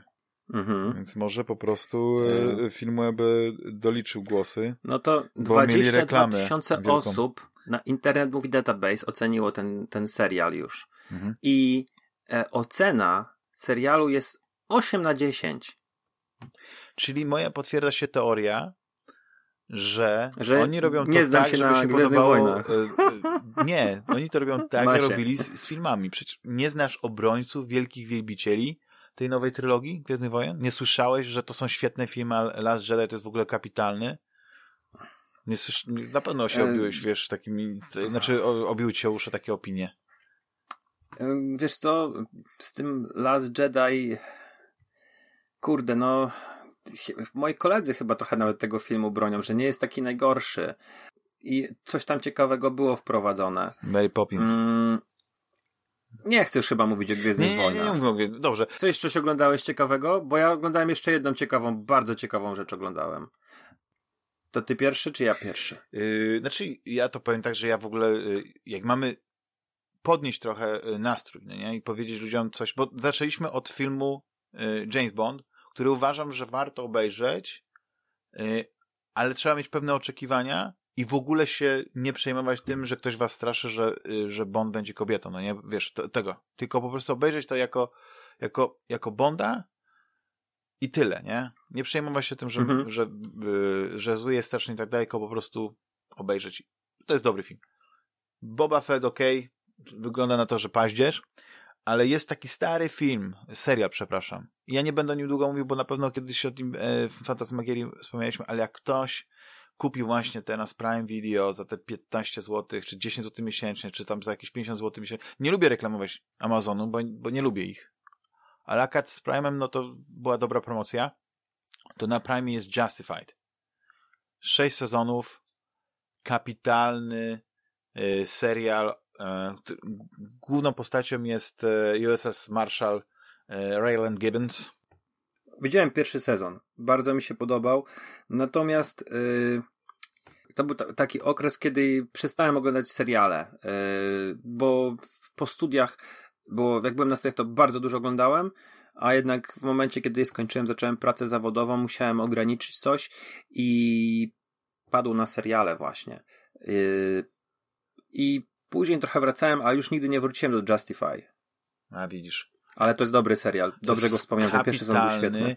On zawsze jest tak, że znaczy jest protagonistą jest właśnie ten, ten, e, ten znaczy nie, nie jest, on jest przedstawicielem e, wiesz, tych USS Marshals, czyli on ściga przestępców, nie? On nie jest policjantem, Mhm. on jest ten, nie jest łowcą nagród, on jest od ścigania przestępców. No jak widzieliśmy y, ściganego z Harrisonem Fordem i Tommy Lee Jonesem, to Tommy Lee Jones był właśnie takim USS Marshallem. I tu, tu jest taka, taka potyczka właśnie e, jego, jego jako przedstawiciela e, prawa, stróża prawa w sumie i e, Boyda Crowdera, e, takiego notorycznego przestępcy, który tam różne przemiany przechodzi, wiesz, od jakiegoś tam e, białego nacjonalisty przez na, nawróconego gościa, który po prostu otwiera swój, niemal swój własny kościół poprzez właśnie różne rzeczy, ale jednocześnie są różne wątki i każdy sezon jest jakby taką inną historią, troszeczkę jakby o innej grupie przestępczej, o innych ludziach i wszystko się dzieje w, tej, w, tej, w, tym, e, w tym mieście Harlan. No, kapitalny, w ogóle świetnie zagrany, wiesz, to jest południe, więc wszyscy mówią z południowym akcentem, ale to jest tak, jak oni ze sobą mówią, to jak tam, tam są tak dialogi napisane, bo oni tak mówią tak kwieciście, tak e, niemal literacko, że tam są sceny, jak z pierwszych sezonów e, Gry o Tron, grane, miałbyś wrażenie, że przed Rezneków, nie? Kowboi. To się mhm. fenomenalnie ogląda. To jest, to jest świetna historia. Kapitan jestem teraz pod koniec e, szóstego sezonu, bo już właściwie, wiesz, tak mówię, no, miałem kiedyś przerwę i teraz wróciłem i, i postanowiłem obejrzeć właśnie e, do końca już tak właśnie ciurkiem, żeby sobie już się niczym nie odrywać, wiesz, żadnym innym serialem i tak dalej. I po prostu Justified, jeśli mogę, znaczy nie, nie, nie wiem jaki jest polski tytuł. To jest... E, bo, bo, bo na pewno pod. Ale, ale jak wpiszecie po prostu Justified na Prime Video. Gwiazda to... szeryfa, nie. e... No, może mieć jakiś śmieszny tytuł polski, który, który akad nie, nie, nie. Bo wiesz, Justified to, to się odnosi do, taki, do jednej z pierwszych scen, gdzie on e, jakby prowokuje przestępcę, żeby wyciągnął broń, ale on jest tak szybki, mhm. bo on jest mhm. takim rewolwerowcem, że strzela pierwszy. Jest jak e, Han Solo w Gwiezdnych Wojnach, nie? Polski tytuł jest Justified bez przebaczenia. No, I tak trochę dziwnie. Po, powiem ci coś, że obejrzysz też 6 sezonów. Słuchacze też obejrzą 6 sezonów na, e, na Amazonie. I Timothy Olyphant wraca do roli. Dzisiaj przeczytałem newsa, że właśnie, zabawne, że właśnie o tym wspomniałeś, bo e, dzisiaj sporo czytałem w internetu i zwróciło to na moją uwagę właśnie, że e, wraca do roli, będzie kolejny sezon Justified. A widzisz, ale mi się wydaje, że mam taką moc sprawczą. To jest taką przez osmozę. Ja nie wiedziałem o tym, zupełnie nie przeczytałem tego, ale może to jest właśnie ta influencerka, wiesz, może gdzieś tam e, te algorytmy zaskoczyły. Ja niedawno, nie, z pół roku temu wymieniałem, e, wypełniałem jakąś ankietę dotyczącą miasta, no nie, w którym mieszkam, miasteczka. I okazuje się, że te moje pomysły z tej ankiety zostają realizowane. Przypadek? Mm. Nie sądzę. Ale... Myślę, że byłeś jedyną osobą, która to wypełniła. Ale wiesz, że miałem takie odnoszenie, bo to była taka ankieta e, z, z, Google Doca i prawdopodobnie większość ludzi miała olewkę. A ja się nie tyle nawet przyłożyłem, co po prostu pewne rzeczy tak sobie pomyślałem, że no wiesz, warto było, żeby jakieś miał, było więcej kultury w centrum, a nie tylko e, restauracje, e, bary i takeaway i inne takie rzeczy, nie? Więc, no i dzieje się, dzieje się. No. Ale Justified, to, jeśli, jeśli będzie kolejny sezon i jeśli oni zrobią to, tak jak robili poprzednie, to będzie super. Tylko też trzeba pamiętać... A ja wrócę do tego serialu. Tak, tak. A ja wrócę do tego serialu, bo pierwszy sezon był w 2010, mhm. właśnie tak jak kończyłem studia e, i później nie wróciłem, to teraz jest ten moment, że może jakieś wieczory poświęcę na oglądanie, bo to był, bardzo dobrze wspominam ten, ten, ten pierwszy sezon. Mhm. No to nie, no to to jest kapitalna wiadomość w takim razie. Kapitalna. Ale jak jesteśmy przy rednekach, Aha to HBO e, Max ma nowy serial o e, superbohaterach, który jest e, od Jamesa Gana i z postacią Peacemakera, który swój początek wziął w ostatnim Suicide Squad, o którym rozmawialiśmy zresztą mhm. w wakacje. I e, po prostu dzisiaj sobie włączyłem go, um, żeby zobaczyć, co to jest. I chyba to jest najlepszy serial e, taki niegrzeczny o bohaterach, jaki, jaki widziałem. E, I tutaj wskazuje, że może być lepszy od Boysów na przykład. e, panie, bawię się. Jesteś, jesteś gotowy się, podpisać tym tutaj? Bo tak, będzie się paliło w się podpisać. Jestem gotowy się podpisać pod tym, że na poziomie trzech odcinków, bo puścili trzy odcinki, jest osiem zaplanowanych na ten pierwszy sezon. Na poziomie tych trzech odcinków to jest e, serial, nie wiem co będzie dalej, ale jest to serial, który jest e, lepszy od The Boys od Amazon Prime. E, bawię się jak prosie. Po prostu ten serial tak trafił absolutnie w moje poczucie humoru. Jest e, niepoprawny. Jest wulgarny, jest momentami szowinistyczny, momentami jest e, no rednecki. Aha. E, oczywiście mamy kontynuację historii i Peacemakera. Peacemaker jest e, w ostatniej scenie chyba Suicide Squad w szpitalu, w pierwszej scenie serialu wychodzi. Suicide Squad mamy streszczone w 30 sekundach. Mamy te sceny, które tam są jakieś znamienne dla tej postaci, co on tam zrobił haniebnego, e, dowiadujemy się.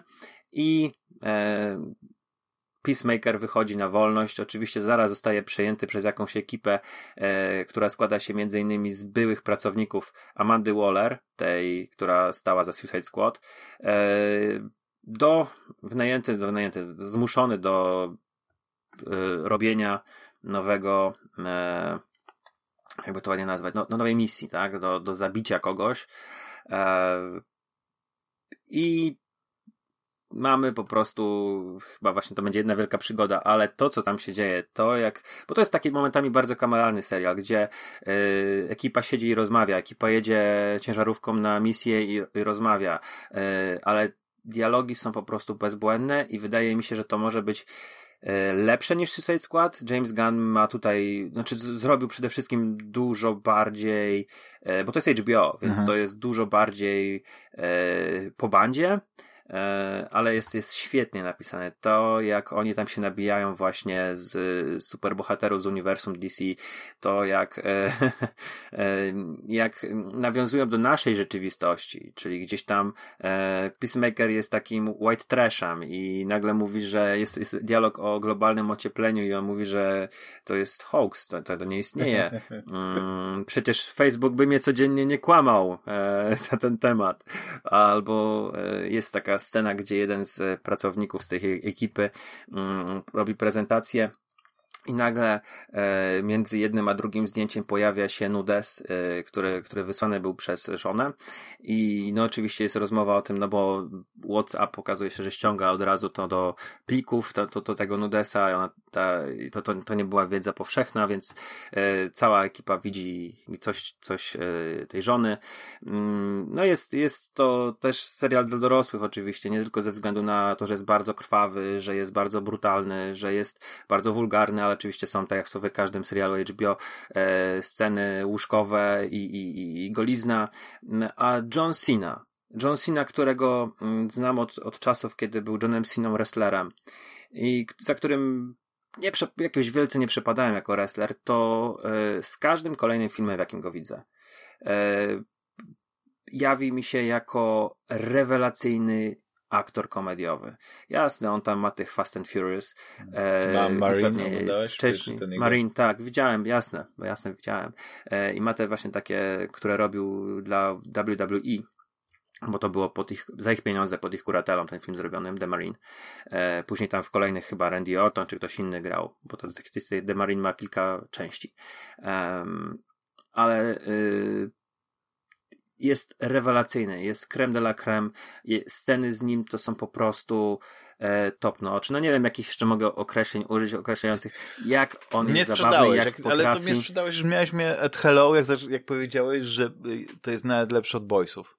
To, I to mnie nie musiałeś tutaj, wiesz, przekonywać, dlatego że e... uważam, że Boys serial jest 100 razy lepszy od komiksu, bo komiks czytałem i, i komiks jest bardzo szokujący, e, dla tych, wiesz, dla, dla całej tej, tej super bohateriozy, ale serial mhm. jest kapitalny i, i, i robi pewne rzeczy 100% lepiej niż, niż, niż komiks. I jak ty bo, mówisz, że Peacemaker serial... jest lepszy od The Boys, a jest ja lepszy, ci ufam. Lepszy humorem. Jest lepszy, lepszy humor, ma lepszy, y, lepsze dialogi. The Boys Comics jest bardzo meta w tej warstwie komiksowej, czyli on tam krytykuje pewne rzeczy, y, pewne zjawiska, pewne y, firmy, które działają w komiksach. A o tyle jest ciekawy The Boys serial, że on krytykuje mm, właśnie pewne zjawiska z e, korporacji takich medialnych. I to jest fajne przejście. Tam bardzo z głową zrobiona jest to, ta, ta, ta, ta tranzycja. E, y, że wiesz, że to, ta potęga e, tych bohaterów jest, e, nie jest sprzedawana dzieciakom w komiksach, tylko właśnie przez telewizję, przez internet i to jest super. E, ale wiesz, no to jest długi serial, on ma tam 10 odcinków na sezon i ja y, nie, nie jestem momentami porwany. On ma, on ma momenty świetne i, i to ja go bardzo wysoko oceniam, ale mówię, to oceniam wyżej. A poza tym słuchaczom polecam e, obejrzeć chociaż, żeby was przekona, czołówka, która jest tańczona do tego serialu. Jest po prostu e, rewelacyjna. Już na samej czołówce człowiek zaczyna się śmiać. I tak jak mój kumpel powiedział, że brakuje tam tylko jednej rzeczy. E, Davida Hasselhoffa. E, I cały serial, bo to tak wiemy, może że będzie. zawsze James może. James Gunn bardzo, dla, dla Jamesa Gunna przynajmniej w Marvelu bardzo ważny w tych Guardiansach był ten element muzyki, żeby y, te kawałki z lat 80. tam umieścić i Peacemaker jest bardzo podobny w tym, y, więc bohater Peacemaker słucha takiego e, trochę roka, z którego się pewnie teraz już można bardziej śmiać. E, w czołówce leci piosenka Wigwam takiego zespołu, ale tam te, te kawałki, które, e, które e, lecą w czasie, w czasie samego serialu i to tam puszczają muzykę, ktoś kładzie płytę, puszcza z gramofonu, leci w radio, leci yy, gdzieś tam w tle jako, jako ilustracja do sceny, yy, czyli ta muzyka jest ważna, jest podkreślana wielokrotnie, jest wyborem takich, takich, takich zapomnianych kawałków, takich kapel rockowo-metalowych, wiesz, w stylu glam, glam rock albo hair, hair rock, coś takiego, wiesz, takich, takich o których yy, w latach 80., po latach 80. wszyscy zapomnieli, kiedy weszła Nirvana i zrobiła się muzyka rockowa e, smutna, nie? Także e, tutaj też fajna podróż, taki, taki mały, mała kapsuła czasu, e, ale mnie się podoba ten serial, jest, jest, jest naprawdę dobry, e, przynajmniej dla mnie trafił totalnie w mój, w mo, Szkoda, że on nie jest, znaczy, z jednej strony dobrze, że nie jest na Disneyu, bo by go spłaszczyli i zrobili ten, e, ale z drugiej strony właśnie kurczę, no, kolejne Kolejna usługa streamingowa. A teraz tych nowych usług streamingowych to jest, a jest. Nie wiem, e, plu, nie, HBO, Plus HBO Max, o, tak, a tego akurat w ogóle już, to już nawet nie myślę o tym. E, I, i natomiast e, HBO Max ma wejść w lutym podobno, taka jest ostatnia plotka, ma wejść na Słowację, ale oczywiście nigdzie tego nie mówią, nie mówią wprost, wchodzimy tego i tego dnia i przypomnia się ta sytuacja sprzed kilkunastu lat, kiedy yy, konsole Microsoftu yy, trzeba było rejestrować yy, w Wielkiej Brytanii, bo no tak. Polska była dla nich, nie wiem, nieistniejąca. Ale powinieneś się cieszyć, że HBO Max nie ma jeszcze w Polsce, dzięki temu wiele filmów, które jest na przykład na HBO Max, pojawia się na HBO Go w Polsce i to jest ogromny plus. Nie wiem, z czego to wynika, mm, jaka to jest. Ja liczę. Jakie to jest, no. Znaczy, ja liczę, że w ogóle Max wejdzie i zastąpi Go po prostu w ten sposób. A, ja, w tym sensie, ja, że ja, ja to tak widzę. lepszą ofertą, tak, tak. No i mam nadzieję, że ma. E, tak, tak, tak, że to będzie, że w ten sposób działało. No widzisz, czyli Warner Brothers e, czasami może ja to, coś ja to nie dobrego oby... zapodać, mimo że to jest powiedzmy przez ich e, home broadcast e, coś tam. Jak to się nazywa? Nie wiem, jak się, HBO, jak się to tłumaczy. To. No nieważne. E, HBO. HBO. Na polski.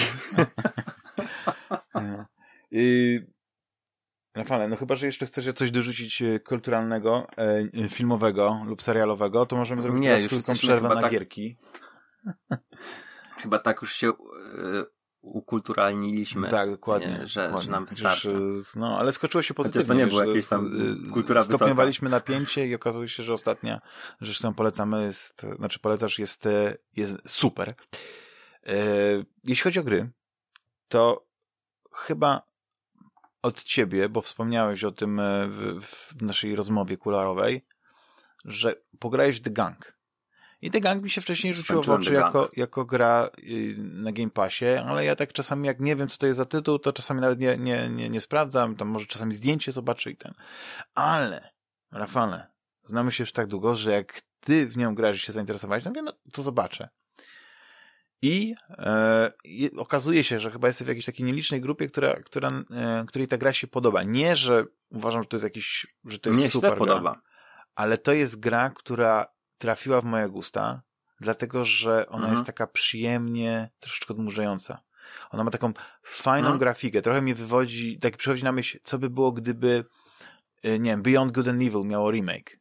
Wiesz, czyli taka lekko karykaturalna, trochę y, stylizowana ta grafika, te postacie są właśnie takie, takie kreskówkowe, że się tak wyrażę. Jest ta planeta, Mhm. taki otwarty świat, ale ona jest taka taka interesująca, wiesz, taka, taka y, rysunkowa, ale jednocześnie no, w pełnym 3D, tak, bo możemy podróżować.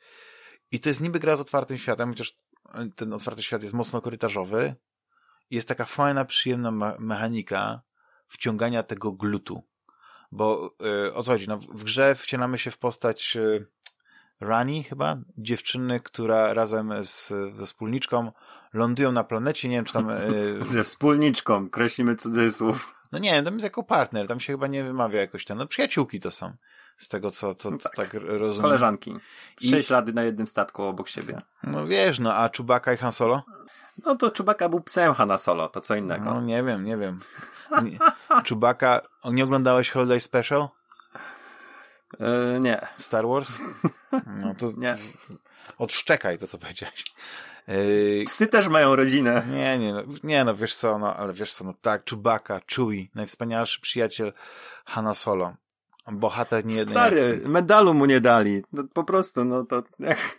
nie docenili po prostu innych tych. Może to był taki e, zarezerwowany, mieli trzy tylko medale, nie? I, była, i byli się z myślami, no nie, Mhm. komu dać. No to dali księżniczce, yy, przyszłemu rycerzowi Jedi. Dobrze, że kobiecie i... dali, no masz No rację. właśnie, no. Nie no, co ty, chyba kobieta, chyba kobieta wręczała te medale. Aha, czyli ona, no Leja dostała medal? nie, widzisz? Fani, fani Gwiezdnych Wojen. Dobrze, mówmy o The Gang, mówmy o The Gang dalej, no No. jasne, już koniec w każdym tematu. razie y, lądują na tej planecie, żeby sprawdzić, co tam się stało. No i okazuje się, że całą tą e, e, planetę, no jakiś taki, jakaś taka dziwna substancja, znaczy nie, że całą pokrywa, ale są po prostu miejsca, gdzie jest taki, taki e, unoszący się, lewitujący niemal glut, on czasami się osadza na tym i nasza bohaterka ma rękawicę, którą nazywa e, Pumpkin, bo jest e, koloru właśnie takiego e, dyni. Jednocześnie to jest taka wielofunkcyjna rękawica, która może, mm, no wygląda powiedzmy jak, rękawi- jak, jak ręka sprawiedliwości chyba Hellboya, czy tam jak ona się nazywa, czy przeznaczenia? Prawa ręka zniszczenia. Prawa ręka zniszczenia, tak, Hellboya. Ale ona ma tam funkcję właśnie odkurzacza, może mieć funkcję takiego mm, generatora kul plazmowych, no po prostu wszystko. I my w tym świecie po prostu rozwiązujemy takie bardzo proste y, zagadki środowiskowe, gdzie skakamy po platformach i wciągamy ten glut. I e, odblokowujemy różne przestrzenie i tak. I powiem tak, no ja mam jakieś 4, 4 godziny z hakiem na liczniku i mi się strasznie właśnie tak fajnie relaksuje, wiesz, bo to jest taka gra, gdzie ja nawet nie muszę czytać tych dialogów, nie? Tam uratowałem jakiegoś Mhm. chyba y, y, autochtona, który no niestety mówi w niezrozumiałym języku, więc trzeba czytać napisy. To już w ogóle nawet nie wiem, o co tam chodzi, ale bardzo mi się podoba ten design i podoba mi się to, że to jest taka gra, gdzie y, nie masz dużo rzeczy do zrobienia, że jednak musisz po prostu iść i jakby niesie cię to, trochę jak w Metroidzie, nie? Że niby to jest taka gra rozbudowana, że niby mam otwarty świat, ale jednak ta, ta akcja pchnie cię w jakimś kierunku, wiesz? Że jakby czujesz, w którą Mhm. stronę masz iść. I do momentu, w którym teraz jestem, no nie? W którym po prostu miałem taką dłuższą przerwę i muszę się jakby odnaleźć, to w miarę płynnie mi się wszystko, wiesz, układa, nie? Że, że wiem, co mam robić, no nie? Że mimo, że tu nie ma mapy, co na tym ubolewam, i nie ma też takiej, wiesz, tej strzałki. Ja bym chciał mieć ten easy mode, wiesz, taką strzałeczkę, która mnie poprowadzi, jak się zgubię i tak dalej, żebym po prostu szedł teraz tutaj i zrobił to i to. No tego, tego nie ma. Te i- lokacje nie są duże. Mhm. No nie są duże, nie, one są przeważnie takie labiryntowe, ale czasami są otwarte, wiesz, na przykład masz taką większą przestrzeń, nie wiem, nie wiem czy już byłeś na takim etapie, gdzie musisz chodzić Ja skończyłem tę grę. a, widzisz, to ja rozmawiam z ekspertem. To ja rozmawiam z ekspertem. Od tej gry w takim razie.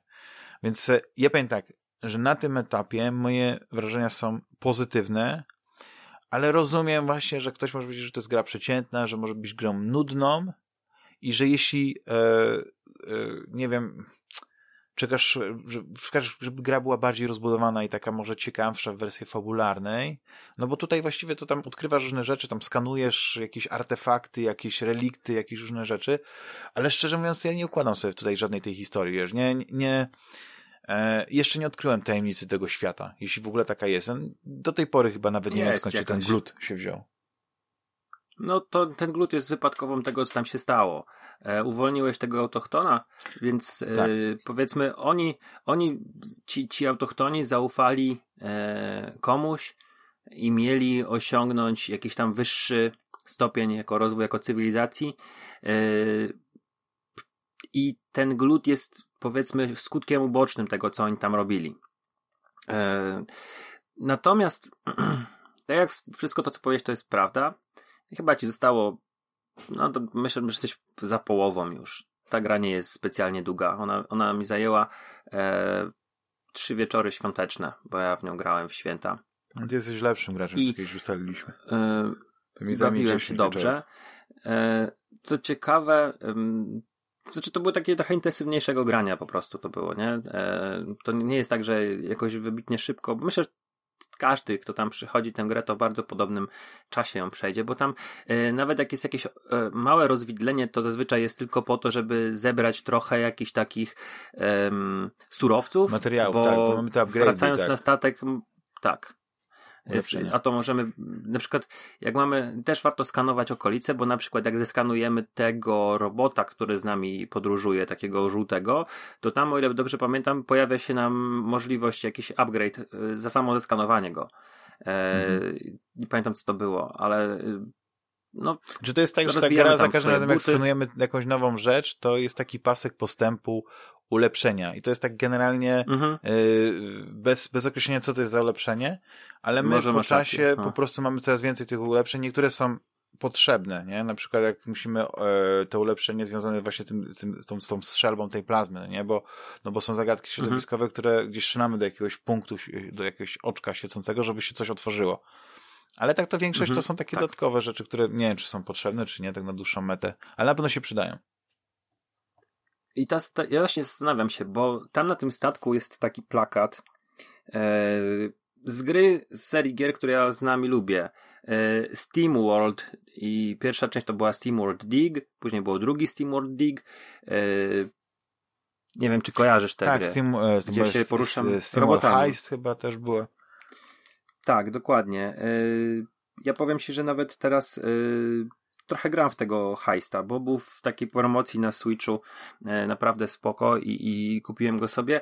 I jestem ciekawy, czy to jest ten sam świat, bo gdzieś tam mm, fabuła jest taka, że właśnie świat chyba robotów, czy, czy, czy w ogóle świat ten, ten taki pierwotny tam w, w Steamworld Heist y, został zniszczony i te roboty się rozprzestrzeniły po całej tam galaktyce i tutaj mamy, bo te, tutaj warto zaznaczyć, że The Gang jest grą z takim mocnym ekologicznym przesłaniem.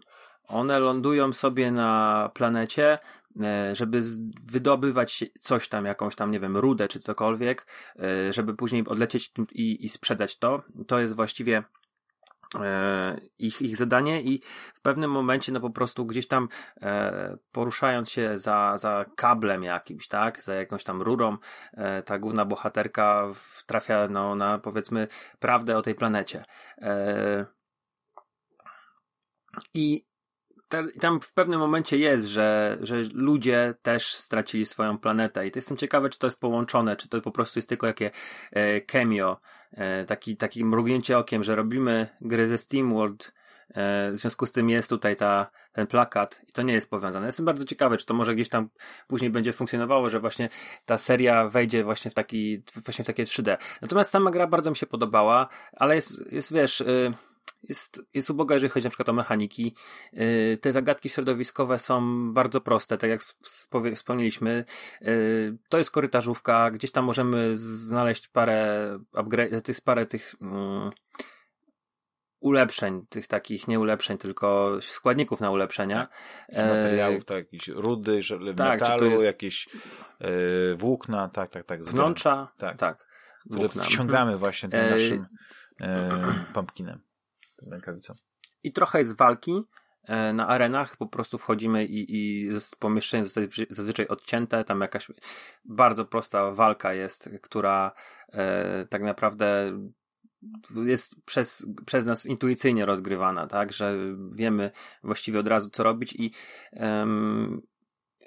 i to jest taka malutka gra, która, ja mam takie, takie, takie, takie wspomnienie takie, że były takie gry, które zaczynały te wszystkie platformowe 3D serie. Na przykład, bo nie mówię o pierwszym Ratchet Clank, ale pierwszy Jack and Daxter był taką grą, która zaczynałeś, pograłeś i mogło się skończyć w 5 godzin. Nagle się orientowałeś, że no fajna gra, ale strasznie krótka, nie? Mm, albo taki był y, Sly mm, Cooper, y, ten Civis Raccoon. Też to była gra, którą mogłeś usiąść po południu i skończyć wieczorem. I tutaj miałem bardzo podobny vibe, że to jest po prostu taki, no nie wiem, jakby mam nadzieję, że to jest wprowadzenie. E, natomiast no, ona jest fajna, ona jest, nie, nie, nie mogę jej negatywnie ocenić. Natomiast jak ty napisałeś, że cieszysz się, że poznajesz pewne rzeczy przed y, na, najplebiscytem, bo, bo możesz jeszcze coś tam uzupełnić, no to ja się tego nie zgodziłem z tym za bardzo, bo to, to jest gra, która, no nie wiem, czy ona zasługuje na wyróżnienie, jakieś tam wspomnienie. Chciałem, żeby ona była w pierwszej trzydziestce na przykład. A no to na pewno będzie, bo, bo gra jest fajna, jest bardzo ładna, atrakcyjnie y, wygląda i, y, i ma, ma swój styl. Y, pytanie, ile osób na nią zagłosuje, nie? No bo to wyszło tak naprawdę pod koniec grudnia. Tak, 16 I, grudnia, no to jest, to jest ten ból. I to jest to też, że y, weszła w takim okres, no gdzie tam już był ten, to Halo, y, gdzie, gdzie no może ktoś chciał nadrabiać Strażników Galaktyki, którzy są świetni. E, ale jeżeli ktoś lubi platformówki e, z takim trochę ekologicznym przesłaniem. Właśnie nie, nawet jakimś tam. Mm,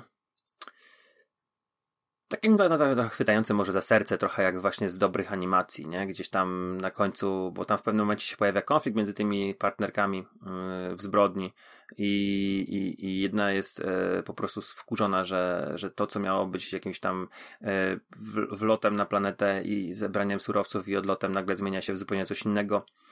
Gdzieś tam jest jakieś pojednanie między nimi.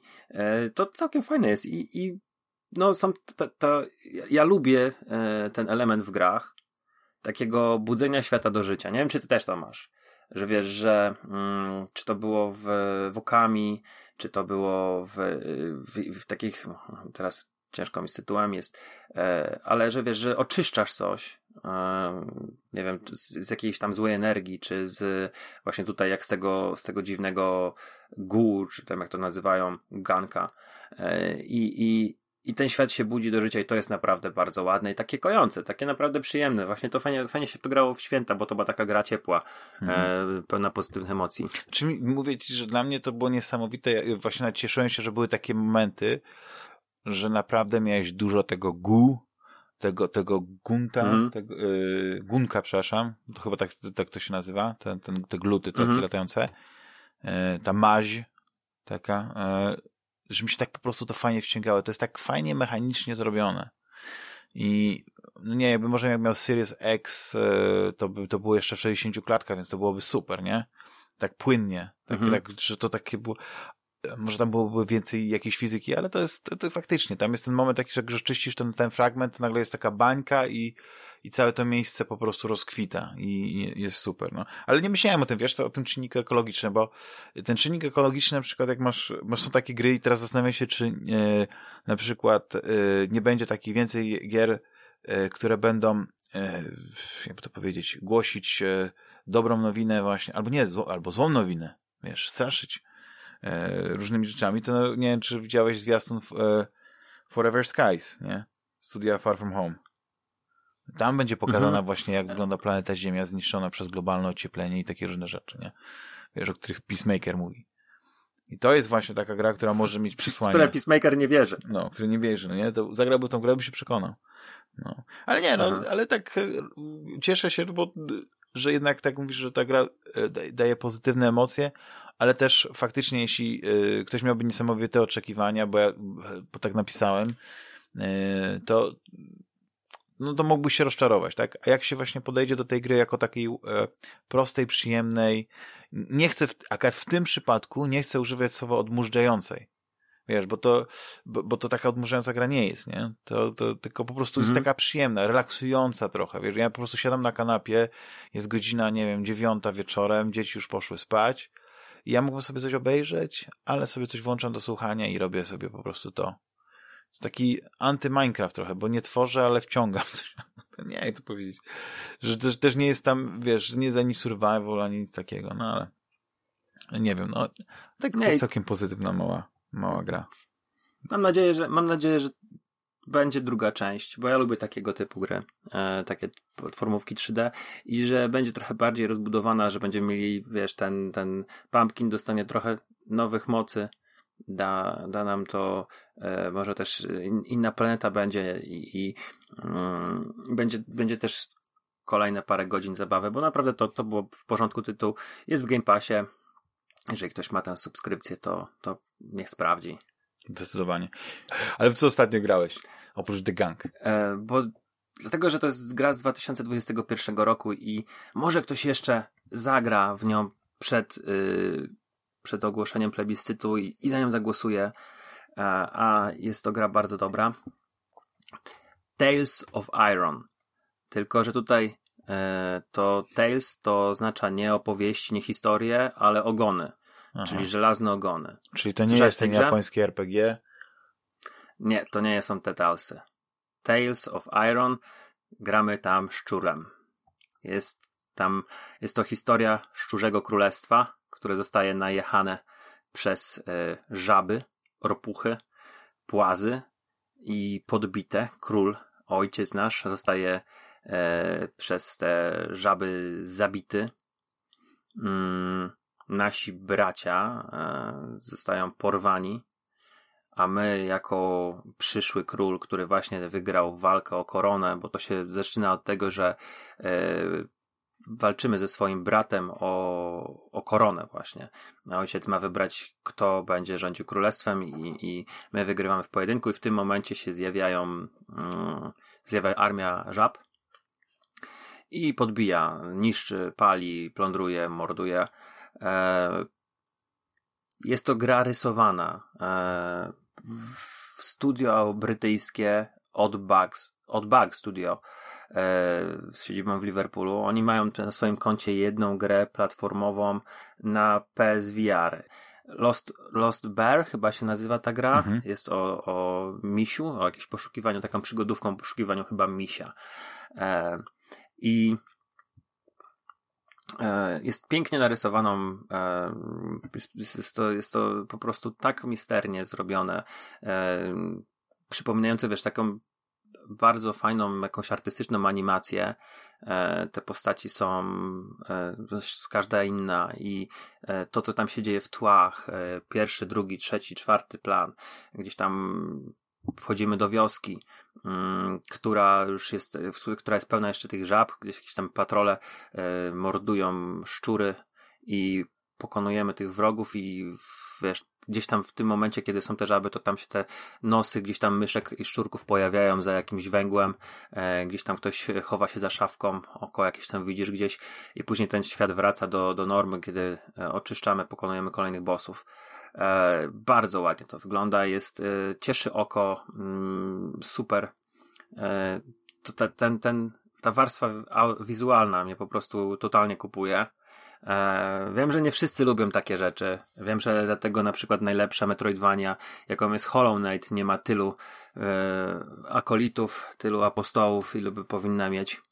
I ludzie uważają, że Metroid Dread jest ładny ale e, jeżeli ktoś lubi rysowaną grafikę, musi Tales of Iron chociaż zobaczyć na trailerze. Natomiast mechanicznie jest to Souls, e, Souls-like 2D. Mamy ławeczki, e, na których się odradzamy. Mamy Estusa, który jest chyba wyciskany z jakiejś robali, który, który możemy uzupełniać właśnie gdzieś tam o, krojąc jakiegoś robaka, pluskwę czy z beczek takich specjalnych. Ale mamy też um, cios, blok, um, paradę, sparowanie, tak, e, rolkę i skok, także e, cała gama ruchów takich soulsowych. Mamy, zbieramy uzbrojenie, mamy e, lekkie, średnie i ciężkie zbroje, mamy lekkie, średnie, ciężkie bronie.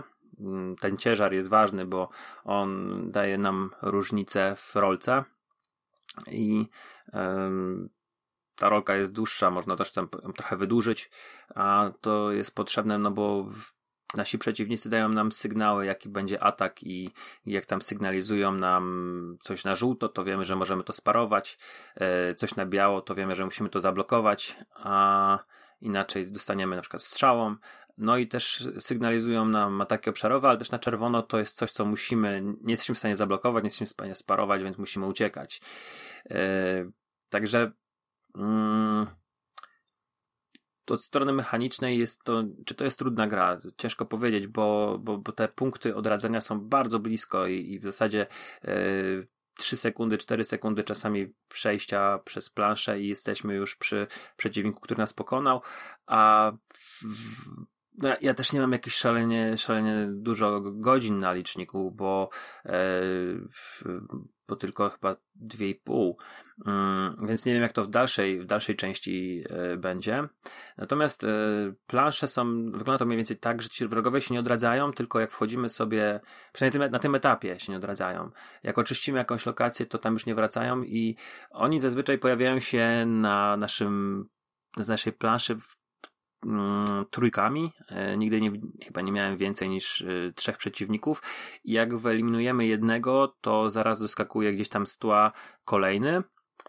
W związku z czym możemy sobie to, tam ten poziom trudności też w jakiś tam sposób regulować, że na przykład na początku wypadają na nas faceci z maczugami i jak pokonamy jednego, to pojawi się łucznik, jak pokonamy e, łucznika, to pojawi się włócznik, żaba z włócznią, więc możemy sobie gdzieś tam to rozplanować i na przykład, żeby nie mieć dwóch żab z włóczniami, czy jakiegoś tam kolesia z tarczą, e, który, który nam bardziej przeszkadza, to możemy sobie to tak układać, żeby żeby po prostu sobie no, ten, tego przeciwnika, z którym lepiej sobie radzimy, mieć cały czas gdzieś tam za plecami i, i po prostu pokonać tych, e, którzy się pojawiali e, w, w, jednym tam, w jednej kolejce i później przejść do, do eliminowania ich pojedynczo tych następnych. Naprawdę e, ta, ta walka jest satysfakcjonująca, ona momentami e, jest trudna, parę razy zginąłem na pierwszym bosie który tam rozwala taką bramę. Mm. I, i no, nie ma się czym, czym chwalić, bo podejrzewam, że są ludzie, którzy pokonają go za pierwszym razem, ale yy, jest satysfakcja. No i ta gra jest krwawa. Tam robimy finishery, yy, wypruwamy z żab flaki, wbijamy miecze w gardła, w e, gałki oczne, podrzynamy e, im jakieś tam pachwiny, aorty. No dzieją się tam rzeczy straszne i zresztą fajnie to jest zanimowane, bo im dłużej walczymy z taką żabą, tym ona jest bardziej pokiereszowana, ma pocięte plecy plecy, pysk i, i te kawałki uzbrojenia e, i odpadają. E, także mm, zaskakujące jest to, jak ta gra wygląda ładnie i e, no ten tytuł mnie wziął po totalnie zaskoczenia. Jestem zachwycony naprawdę. Mhm. Czyli... I to też jest taka, jest, jest mapka, oczywiście to, to nie jest takie do końca source'owe, bo mamy mapę, którą odkrywamy i jest całkiem spora ta mapa. Oczywiście mamy typowe lokacje dla, dla Soulsów, czyli jakieś tam bagna, e, kanały, ale też całkiem sporo jest tej powierzchni. E, no i nie tylko żaby oczywiście są naszymi przeciwnikami, są jakieś takie czerwie chyba nazwane i krety i jest tego sporo. I jest też łuk, tak. który po, tak, łukiem możemy strzelać do latających, które od razu z, e, spadają na ziemię ale też łukiem możemy przerwać pewne ataki e, po prostu z miejsca, że jest atak i jeżeli to ktoś nie ma tarczy, to możemy ten atak e, łukiem przerwać, zbieramy z ciał, wyrywamy e, te, te, te strzały. No i to jest też fajne, że wiesz, że mamy tą zbroję, mamy to, ten, ten hełm i tarczę i za każdym razem jak rzeczywiście widzimy inną, to, to, to, to ten nasz wygląd się zmienia. To jest naprawdę bardzo fajne. Mm, tak jak mówiłem, podkreślam to kolejny raz, ta gra jest śliczna i jeżeli ktoś lubi grać szczurami, to Znaczy no ona jest śliczna, jak ktoś właśnie lubi takie y, zielone, brudne kolory. Wiesz, potem... potem... E, zdarzają się lokacje takie właśnie y, im, Kolorowe. jeżeli oczyszczamy teren z żab, to ta, ta, tam taka, taka zielona poświata znika, bo e, to jest chyba taki właśnie ich e, powiedzmy nie wiem, czy to, czy to można nazwać e, jakiś sygnał, że oczyszczamy krainę i te, te, te wyziewy znikają, ale e, tak to wygląda właśnie, że gdzieś tam początkowo mm, wioska czy coś, y, czy, czy zamek jest, jest pełen jakichś takich wyziewów chyba i, i jak pokonamy żaby wygonimy z tego terytorium, to te żabki, te, te szczurki zaczynają odbudowę. Mm, mamy też e, kowala, który będzie nam przynosić, jeżeli przyniesiemy mu jakiś tam, to jest nasz brat, którego musimy uwolnić on będzie nam wykuwał uzbrojenie, czyli przyniesiemy mu schemat. Mamy też kucharza, który będzie nam gotował y, różne rzeczy w zamku. To też jest nasz brat. Jeżeli przyniesiemy mu y, jakieś tam wiktuały i, i podejrzewam, że to będzie właśnie. Tam mamy też jakieś tablice nawet, które y, na tych tablicach mieszkańcy tych, tych wiosek zostawiają, tych, tych lokacji zostawiają prośby o, o jakieś tam małe, mm, małe sprawunki, czy sprawunki, jakieś tam oczyszczenie na przykład młyna, tak, że wchodzimy i zabijamy przeciwników w młynie i dostajemy za to monetkę, którą możemy wykorzystać na wykucie czegoś tam, mm, czy kupienia czegoś tam. Także e, jest tam sporo mechanik. E, nie wiem, ile mi zostało tak naprawdę tej gry, bo yy, sprawdziłem sobie jak ona jest długa i tak podają, że około 8 godzin, więc yy, no to nie, nie ma się co szykować na, na rzecz pokroju yy, Soulsów na, na kilkanaście czy kilkadziesiąt. Yy, natomiast wydaje mi się, że ja będę zadowolony. Może nawet skończę przed Night Plebiscytem. To super. Fajna taka gra, widzę w takim razie to zaintrygowanie się. Eee, mnie zaintrygowałeś. Eee, właśnie nawet sobie teraz zacząłem właśnie, tak mówię, no, stąd, stąd wiedziałem jak wygląda, bo zacząłem właśnie sobie oglądać, bo e, okazało się, że w ogóle przeleciała e, poza moim radarem, więc, więc świetnie. Ja na przykład e, gram, w sumie to zapomniałem o tym, bo, bo, bo już tak gram dosyć długo. To ja cały czas gram tego Sherlock Holmesa, Chapter One. Mhm. Jak, pierwszy, jak mówiłem o niej po raz pierwszy w odcinku, to było dosłownie po prologu. I jeszcze ta gra się tak nie otworzyła jak teraz. A teraz jestem właśnie, już biegam po całym tej, tym, całym tym mieście Cordona, po tych wszystkich dzielnicach. I e, no to jest ewidentnie e, powrót do Sherlocków tych, tych oryginalnych, ale jednocześnie całe to doświadczenie, które na przykład nabyli z, przy robieniu gry z otwartym światem, jaką jest e, e, Sinking City, nie?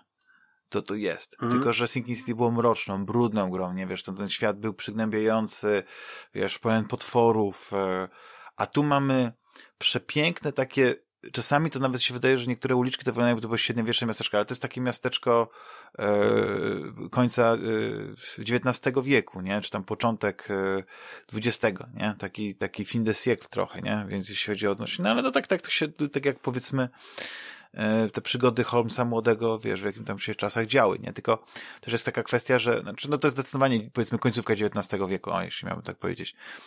Ale też zdecydowanie, yy, no to jest gra taka yy, bardziej znaczy, ten świat przedstawiony, nie? W jednej strony on jest taki piękny, kolorowy, wiesz, akcja dzieje się e, w ciągu dnia, a, a jednocześnie no, masz te takie dzielnice, wiesz, biedoty, masz, masz świat, który nie tylko składa się z, z dżentelmenów w melonikach i, i pań w pięknych sukniach chodzących z parasolkami, tylko właśnie masz e, mnóstwo takich miejsc, gdzie, gdzie widzisz tą biedotę, gdzie widzisz ten, e, ten ludzi e, ciężko pracujących, wiesz, robotników, no też bandytów, przestępców różnych, no to taki naprawdę całkiem bogaty świat. Na, ale on się nie dzieje w Londynie, prawda? Nie, nie, Cordona to jest taka wyspa, nie? Więc to jest, e, mhm. jest, e, ja nie wiem, czy w ogóle tak, ta, ta wyspa prawdopodobnie to jest jakieś fikcyjne miejsce, nie? Ale ona jest bardzo angielska, ale w ogóle to jest taki świat, który jest y, zainspirowany, a nie nieprawdziwy. On nie oddaje realiów epoki na takie zasadzie, dlatego, że na przykład on jest bardzo kulturowo wmieszany. Wiesz, tam nie masz, jak to powiedzieć, ta etniczność nawet, wiesz, nie ma tutaj znaczenia, wiesz, nie ma na przykład kolor skóry nie, nie, tutaj akad nic nie znaczy, tak?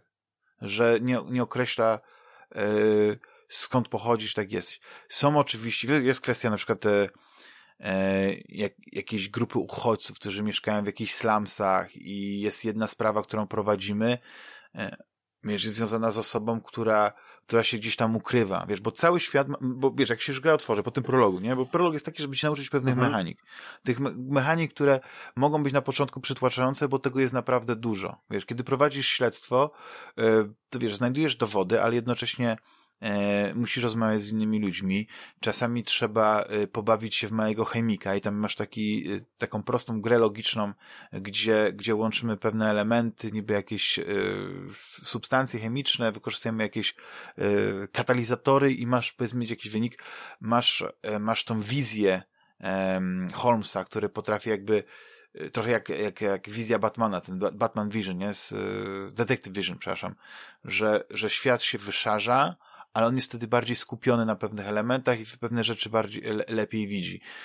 I tych mechanik jest naprawdę tyle, że na początku one były bardzo przytłaczające. Później zaczynasz się uczyć, wiesz, tych takich sygnałów, jak ci daje, kiedy na przykład masz jakiś nowy dowód i ten dowód w twojej teczce, która jest naprawdę spora, e, i możesz też kilka spraw prowadzić, nie? Masz tą główną sprawę, no nie związaną z tą, swoją, z, tą, z tą matką, nie? Bo jak ktoś pamięta, to młody Sherlock Holmes po śmierci, znaczy wiesz, przyjeżdża do starego domu, no nie? I, i odwiedza mhm. grób matki, no nie? Wraca na tą kordonę, sobie się wychował, e, razem z bratem Mycroftem, no nie? Ta, ta postać Mycrofta się tam e, pojawia, nie? Też mu to jakiś, e, podsyła mu ludzi, którzy go czasami proszą o pomoc, nie? Sherlocka, ale generalnie on jakby wraca na te stare śmieci, wraca do starego domu i zaczyna odkrywać e, tajemnice swojej matki która, która e, myślał, że tam zmarła na jakąś ciężką chorobę, nie wiem, gruźlicę, jakieś suchoty i tak dalej, a później się okazuje, że, że tam było coś, coś więcej, nie? Że,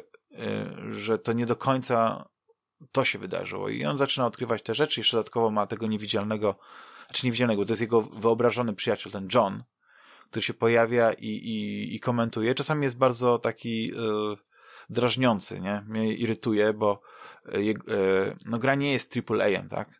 Tam nie ma tysiąca, wiesz, czasami jak na przykład gdzieś e, próbujesz z kimś porozmawiać, bo też wiesz, śledztwo wymaga od ciebie, żebyś miał jakąś, jakiś element dowodu, nie? I tak, tak sobie mhm. przypiął go, tak? Czyli, żeby on jakby głównym dowodem, który nosi na przykład kartkę z wizerunkiem e, postaci, e, person of interest, tak? Czy to może być jakiś przestępca, czy to może być osoba, której szukasz i wtedy chodzisz po, po, po, po, po, po uliczkach tego i pytasz różnych ludzi o pewne rzeczy, znaczy o tą osobę, powiedzmy konkretnie, no i wiadomo, że no to gra jest tak zrobiona, żeby, żeby to była jakaś, nie wiem, losowo, ale za którymś razem osoba, co się pojawiła, tak? A rolą tego Johna jest właśnie nie to, żeby ci pomóc, tylko właśnie cały czas. No nie, on mówi tak w kółko. No, no, no nie, nie, to nie jest najlepszy sposób. Nie, nie, nie, to nie jest najlepszy sposób, albo to, to, to ci nie wyjdzie. Wiesz, i rozmawiasz z ludźmi, a czasami ludzie też powtarzają te same rzeczy. Nie chcę z tą rozmawiać, nie chcę z tą, wiesz, jakby wychodzi taki trochę, taki mniejszy budżet, bo Frogware, Frogwares Wiesz, to nie jest studio, nie wiem, jak Ubisoft i tak dalej, więc oni robią grę, która ma otwarty świat, jak powiedzmy Assassin, i ma wiele elementów tego świata takich interesujących, no nie związanych na przykład z tym, że y, twoja postać, i to też jest istotne, nie? że Sherlock jest znany też z tego, że jest fantastycznym, potrafi się fantastycznie ucharakteryzować, tak? Potrafi się przebrać, zarobić mhm. sobie makijaż i tak dalej, że, żeby grać jakąś postać, nie? I to jest istotne w, y, w tym. I to, wiesz, no to jest ten element jest bardzo rozbudowany. Nie? Jest element, y, w którym chodzisz po mieście i na przykład odwiedzasz jakieś stragany, sklepiki z, z, antykami i tam odnajdujesz jakieś stare meble, które kiedyś należały do twojej rodziny i on ją skupuje. To taki element, powiedzmy, e, nie wiem, e, kolekcjonerski, tak, że szukasz czegoś po prostu, wiesz, to też jest mało istotne. No jest element e, walki, tylko ta walka ona jest dosyć konkretnie rozbudowana, ale ona jest tylko jakby w takich zamkniętych arenach. I możesz mieć na przykład zlecenie od policji, nie, jako taki dodatkowy etap, że po prostu policja mówi, że jest kilka miejsc, gdzie są gangi, oczywiście musisz sam znaleźć te miejsca i po prostu wchodzisz do takiego miejsca i zaczyna się no, moim zdaniem bardzo przeciętna e, strzelanka z trzeciej osoby. Yy, która jest oparta na tak zwanych, ja bym powiedział to na gimikach, nie? Bo nie chodzi o to, żebyś pokonał tych przeciwników, nie strzelając im w głowę, no nie, headshotami, tylko kiedy przycelowujesz, to wchodzi yy, szerok w taki tryb koncentracji i pewne elementy, na przykład, nie wiem, kapelusz albo jakiś element, nie wiem, yy, paska jest podświetlony i to znaczy, że jak w to strzelisz, to zdezorientujesz przeciwnika i wtedy możesz podlecieć do niego, i go sklepać, żeby go powalić i skuć, nie? I tych przeciwników na takiej arenie, oni tak falami przechodzą, może być, nie wiem, ze 20, no tak strzelam, nie? I to potrafi być nudne, no ale to też jest, y, jakby to generuje też pieniądze, no bo i za te pieniądze można na przykład kupić sobie elementy stroju na własność, a możesz też je wypożyczać, możesz kupować sobie y, te meble, tak jak powiedziałem. No ale klucz tej gry to przede wszystkim są, są te, te sprawy. I e, moim zdaniem y, nie, nie, nie cofnięto się, znaczy wiesz, nie, nie wykonano krok w tył, jeśli chodzi o, o inwencję.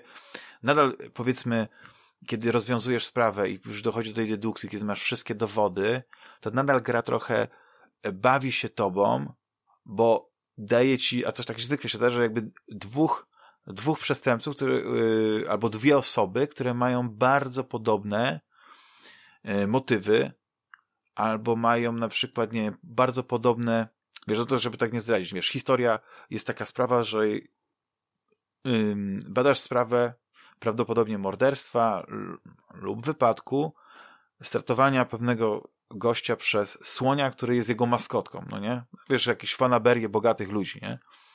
No ale w, mhm. w, w, w trakcie śledztwa, wiesz, dochodzi do tego, że jest A, jakiś były wspólnik, no nie, który mógł chcieć, żeby on zginął, albo A, amant córki tego, tego, tej ofiary, który, który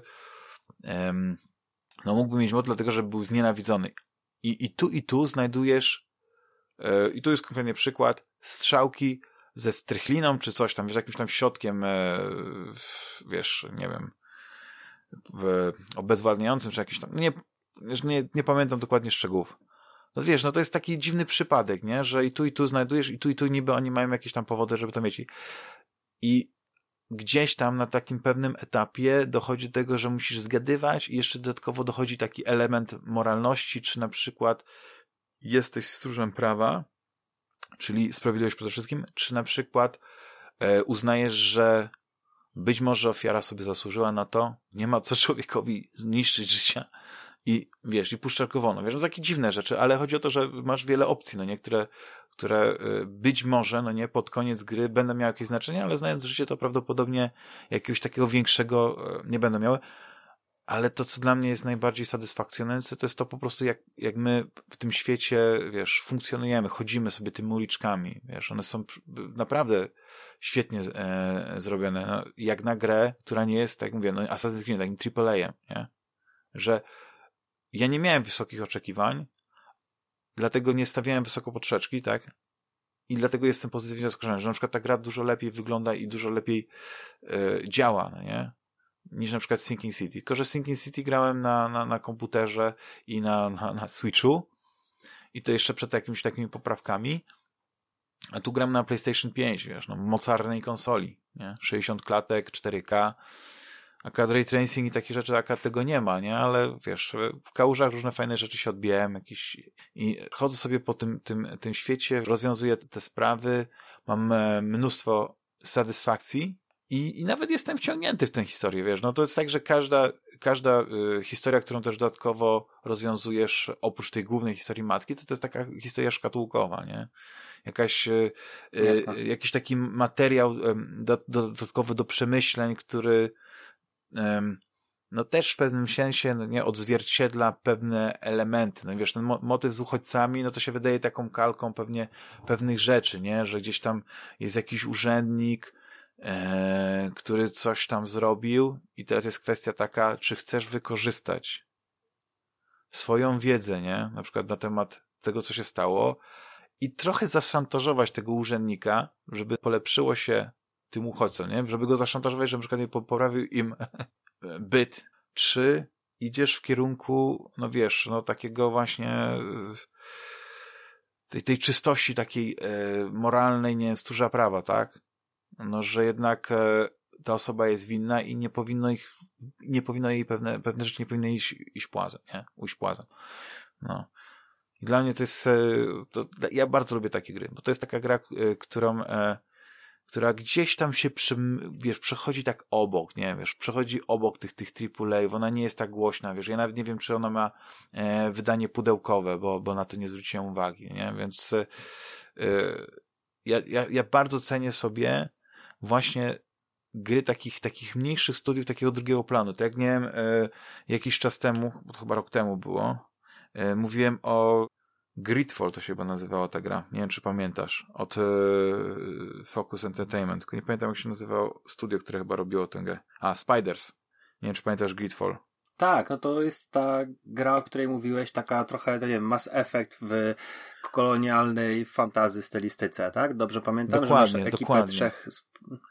No, że to jest, to jest taki, taki, taki y, Dragon Age, tylko właśnie y, elementy konkwistadorów, fantazy, jakichś takich y, no, czarnej magii. No, no, świetna gra, ale ma swoje, swoje wiesz, no nie, nie jest perfekcyjna, ale jednocześnie e, kiedy wiesz czego się spodziewać, kiedy nie oczekujesz kolejnego Assassin's Creed'a zrobionego od linijki z, z milionem znajdziek. Jeśli na przykład chcesz grę, która wymaga od ciebie, żebyś wiesz, trochę pomyślał, bo nie, yy, znaczy w pewnym momencie jak już też znasz schemat, to już jest łatwiej, nie? Prowadząc śledztwo, nie masz na mapie zaznaczone, gdzie masz iść. Tylko masz mapę miasta Mhm. i masz we wskazówkach napisane, że ktoś kiedyś wspominał o, o tej postaci w gazecie. No to idziesz szukać i przeszukujesz archiwa, prawda, po jakichś tam słowach, znaczy po kilku kluczowych tam e, kategoriach, wiesz, zaczynasz, powiedzmy, jeśli uda ci się trafić na te kilka kategorii, znajdujesz jakiś artykuł. W tym artykule znajdujesz, no, że zamieszkały przy tej ulicy ten i ten, ten, e, był zamieszany w to i to, aha. I zaczynasz szukać tych ulic, jakieś tam skrzyżowanie i zaczynasz tam krążyć i, i wiesz, i to jest, to jest tak, że nic nie ma na tacy, wiesz, wszystko musi wynikać z jakiegoś śledztwa, jednocześnie to nie jest jakoś przytłaczające. No są, są rzeczy, które moim zdaniem zrobiłem i krążyłem w kółko i, i trochę moim zdaniem, mimo że robiłem dobrze, to gdzieś tam błądziłem i nie wiem, z czego to wynikało, nie? Bo miałem właśnie, szukałem pewnej osoby, miałem jej wizerunek, nie, na kartce, tak, rysunek i w dobrym miejscu szukałem, nie? Bo to chodziło o to, żeby pytać. Tylko właśnie pytanie jest, czy nie znalazłem tej konkretnej osoby, albo na przykład konkretnie wyglądającej osoby, która by mi Mhm. coś zdradziła. Bo akurat było tak, że pytałem ludzi i tak dalej, mówiłem, że nie, nie powiem ci. Gdzieś tam e, przeczytałem, że może powinienem się przebrać, nie? I, i, i wyglądać inaczej, nie? No bo zdecydowanie są na przykład takie e, zadanie, że podajesz się za kogoś, tak? Charakteryzujesz się za jakiegoś, nie wiem, e, e, lotnego artystę i, i dzięki temu niedowidząca landlordka, e, znaczy niedowidząca, no może tak już, wiesz, swojej daty, no nie? Może nie miała okularu, czy czegoś tam. Wpuszczać cię, no nie? Bo myśli, że to jesteś ty, a znowu, a jak to artyści, no nie? Zgubił klucz, nie ma problemu, nie? Wiesz, no to, to takie, że, ale w tym momencie, no po prostu byłem trochę taki, traci, tracę jakieś pół godziny, może nawet godzinę, żeby pchnąć sprawę do przodu i, i wiesz, ale jednocześnie no widzę tyle takich elementów, które mi się podobają w tej grze, że nie traktuję tego jak tej, tej, tej łyżki dziegciu, która by mi, mi całą tą beczkę miodu e, popsuła. I, i- I dlatego fanom poprzednich Sherlocków nie muszę tego reklamować, ale jakby ktoś właśnie, nie wiem, odbił się od tych Sherlocków, to być może ta koncepcja tego otwartego świata, tego nie jakichś takich zamkniętych korytarzy, czegoś, czegoś więcej, naprawdę takiego przyjemnego miasteczka. Wiesz, to miasteczko tak wygląda trochę jak, jak to miasteczko z tych pierwszych scen właśnie z Bonda, gdzie on tam jest, e, ucieka, wiesz, e, no, walczy, można powiedzieć, z, z tymi, z tymi e, najemnikami, e, bandziorami. No, wiesz, takie piaskowe e, elewacje, wiesz, no, no, no jednocześnie to mogą być miejsca, które są trudne, wiesz, że jest, jest fajne, bo też infiltrujesz ten świat przestępczy, tam poznajesz e, Mhm. ludzi, którzy są związani z, z jakimś nielegalnym handlem, coś tam robią, wiesz, że e, możesz też zinfiltrować, no po prostu, wiesz, Peaky Blinders, nie wiem. Ale no, dzie, dzieje się w dzień, tak, czy bardziej tylko w nocy, bo powiem szczerze, że Sinking City ma oczywiście ta gra swoje problemy, aczkolwiek no, podobało mi się y, sporo rzeczy w niej i, i dosyć daleko zaszedłem, ale w pewnym momencie już mnie wymęczył ten, ten mrok Tak. taki, wiesz, wymuszony, takie, wiesz, te, te mgły, takie, to, to było Tu przede wszystkim nie ma tego, tego, tego że y, gdzieś wchodzisz na jakieś takie zamknięte dzielnice, gdzie jest niebezpiecznie i jest ta walka, nie? E, tutaj Mhm. ta walka jest Rozumiem. opcjonalna, więc się nie męczy, a jeśli chodzi o na arenach jakieś, tak, tak, no. jeśli chodzi o zmianę y, y, czasu, czy w ogóle pory dnia, tak, jest, ale ona jest jakby odgórnie. Znaczy, nie masz... Znaczy, Rozumiem, czyli część Nie możesz w stanąć sobie w część... miejscu i, i ten czas płynie i powiedzmy minie Poczekać. dzień, Mhm. później jest noc i tak dalej, ale, ale zmienia się. Wiesz, niektóre rzeczy robisz w dzień, niektóre robisz w nocy, znaczy większość po prostu... Znaczy, to jest chyba tak, że właściwie... Ale to też nie jest jakaś taka wielce, wielce mroczna gra. Nie, nie, nie, nie. Właśnie przede wszystkim to jest taka. Nie chcę mówić, że pogodna, bo tam wiesz, dochodzi do morderstw, nie, tam wiesz, e, szuka świadków, ale ona jest taka, taka lekka. Wiesz, ten, Ale to nie jest wiktoriański Londyn, nie? Na pewno nie jest takie, nie, nie jest tego typu. Znaczy, no jest E, trochę, znaczy, ja mrok, mówię, no bo rozumiem. wyspa jest y, y, y, fikcyjna, no ale to jest Mhm. jednak ten y, fin de siècle, nie? Tam, tam masz właśnie te Mhm. piękne kamienice, no jakieś tam, wiesz, jedna z, jedna z zadań, które robisz, wiesz, jest w, w galerii, znaczy ten, ten pierwszy etap, nie? Jest w galerii, tam możesz sobie oglądać różne y, dekadenckie dzieła, nie? Tam jest bardzo fajne, bo nie czy niektóre nie są autentyczne nie w tym, ale tak mówię, no to jest, to jest taki dosyć bogaty świat, że tutaj na pewno się przełoży. Nie ma takiej monotonii wynikającej z, y, z ponurości tego świata. To, to, to zdecydowanie. To jest tak mówić, no wiktoriańskie, no nie, ale mm, są różne, różne miejsca. Są takie piękne, niemal pałacykowe yy, krajobrazy, gdzieś tam jakiś łąk, park. Łąk może nie, ale parków jakiś do tych dzielnic właśnie te, te, Old City, nie? Gdzie jest tam jakieś stare miasto i tak dalej. No wiesz, masz dzielnicę portową, e, gdzie jest e, klub żeglarski, no i wiesz, jest ten taki klimat, nie? Masz tam właśnie dzielnicę, e, gdzie są uchodźcy, to wiesz, tam schodzisz pod most i tam są takie slumsy. No to jest naprawdę bogata gra, tylko też nie chciałbym, wiesz, ten, ten mój zachwyt wynika z tego, że ja po prostu bardzo lubię Sherlocki i że to jest e, ewidentnie ewolucja e, w tej serii. Że, że to nie jest, e, wiesz, oni bardzo dużo Sherlocków robili, które były właściwie takie same, tylko inne sprawy i tam pewne rzeczy były zmienione. Tutaj mamy ewidentnie ewolucję. Nie mamy swojego miejsca, do którego wracamy, nie mamy tego huba, gdzie mamy te wszystkie przyrządy, który, z którymi na przykład w, w, wiesz, tego mojego chemika. Tutaj wszystko jest tak, że jakby w biegu, nie? Pewne rzeczy są umownie, nie? No bo możesz się przebrać właściwie, byleby nie być tak centralnie przed kimś, tak? Jak jesteś w jakimś takim miejscu, że na przykład, nie wiem, stoisz koło kogoś, to gra ci mówi, no nie, tu nie możesz się przebrać. Ale gdzieś wejdziesz, powiedzmy, kawałek za, za, za, węgiel czy coś takiego, już, już możesz, nie? No. Naprawdę bardzo, Mhm. y, bardzo dobra gra z gatunku właśnie takich pojedynczych A, że się tak brzydko y, wyrażę, nie? Mnie, e, nie, znaczy nie powiem, że mnie pozytywnie zaskoczyła, bo po prostu nie, nie, nie czułem się zaskoczony. Mnie tylko jedynie właśnie zas, y, kwestia tytułu zastanawia, że ja bym na przykład zamiast chapter one żeby nie był taki mylący, bo ja już mówiłem, dlaczego mnie myli, nie? Że ja myślałem, że to jest po prostu gra epizodyczna. Ja po prostu jakiś, poszedł w jakiś nawet takie absurdalne tytuły, jak typu Young Sherlock Holmes, nie? Że młody Sherlock Holmes, albo y, Sherlock Holmes Year One, czy coś w tym stylu. bo, Mhm. Ale to nie jest origin story. On już jest, mimo że on jest młody, no to Jest już ukształtowany już tam Tak, trochę dokładnie. detektywem, z tego co mówisz. To nie jest przypadkowo jakaś historyjka, tak, dokładnie. tak, jakaś historyjka, wiesz, gdzie on tam jest w szkole czy, i, i rozwiązuje zagadkę. No. Aczkolwiek może by w taką grę też pograł, wiesz, z takim e, coś jak Bully e, był, wiesz, w szkole, to tutaj w takiego Sherlocka Holmesa w jakiejś tam szkole dla, e, dla arystokracji, może nie, ale dla, dla bogatych, młodych e, mężczyzn, wiesz, gdzieś tam Mhm. na obrzeżach Londynu, bym zagrał. Ta, wiesz, z jakąś tam z otwartą szkołą i coś jak, wiem, Hogwarts, jakaś No, wioska jakby obok. mogli zekranizować, E, znaczy zegranizować właśnie tego wspomnianego młodego Sherlocka Holmesa, Chrisa Columba. Columbusa, tak? Columbus? Chris Columbus? Mhm. On chyba właśnie zrobił. No to był fajny film. Tak. Taki sympatyczny bardzo. był fajny film. No. Więc ja tego Sherlocka Holmesa Chapter One bardzo, mm, bardzo polecam. No i zrobił nam się długi podcast, długi odcinek. Chyba nie zdążymy już nic wrzucić, co?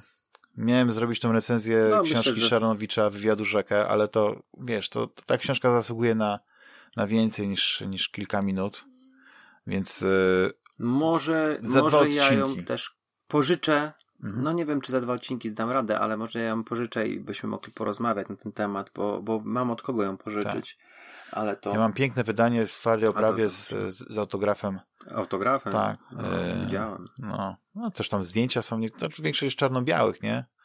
ale, ale e, dla mnie to była taka sentymentalna proszę. Nie, nie, nie, jeszcze nie robię recenzji, żeby nie było, że się teraz nagle mówiłem, że nie powiem, ale bo ona opowiada właśnie o to jest wywiad rzeka, nie? Zaczyna się e, jak, jak to te filmy, gdzieś tam od środka historii, ale później kolejne rozdziały to jest młodość pana Szanowicza i jego, wiesz, fascynacja sportem, skąd się wzięła, przecież on, on był sportowcem. Gdyby nie kontuzje, to on by był, e, nawet mógłby na Igrzyska Olimpijskie jechać, nie? Mhm.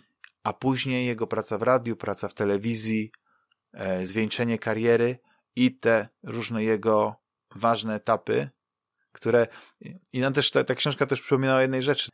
Władimir Szaranowicz e, nie był komentatorem piłki nożnej. to, tą domeną był, e, to była domena Dariusza Szpakowskiego. Szpakowski.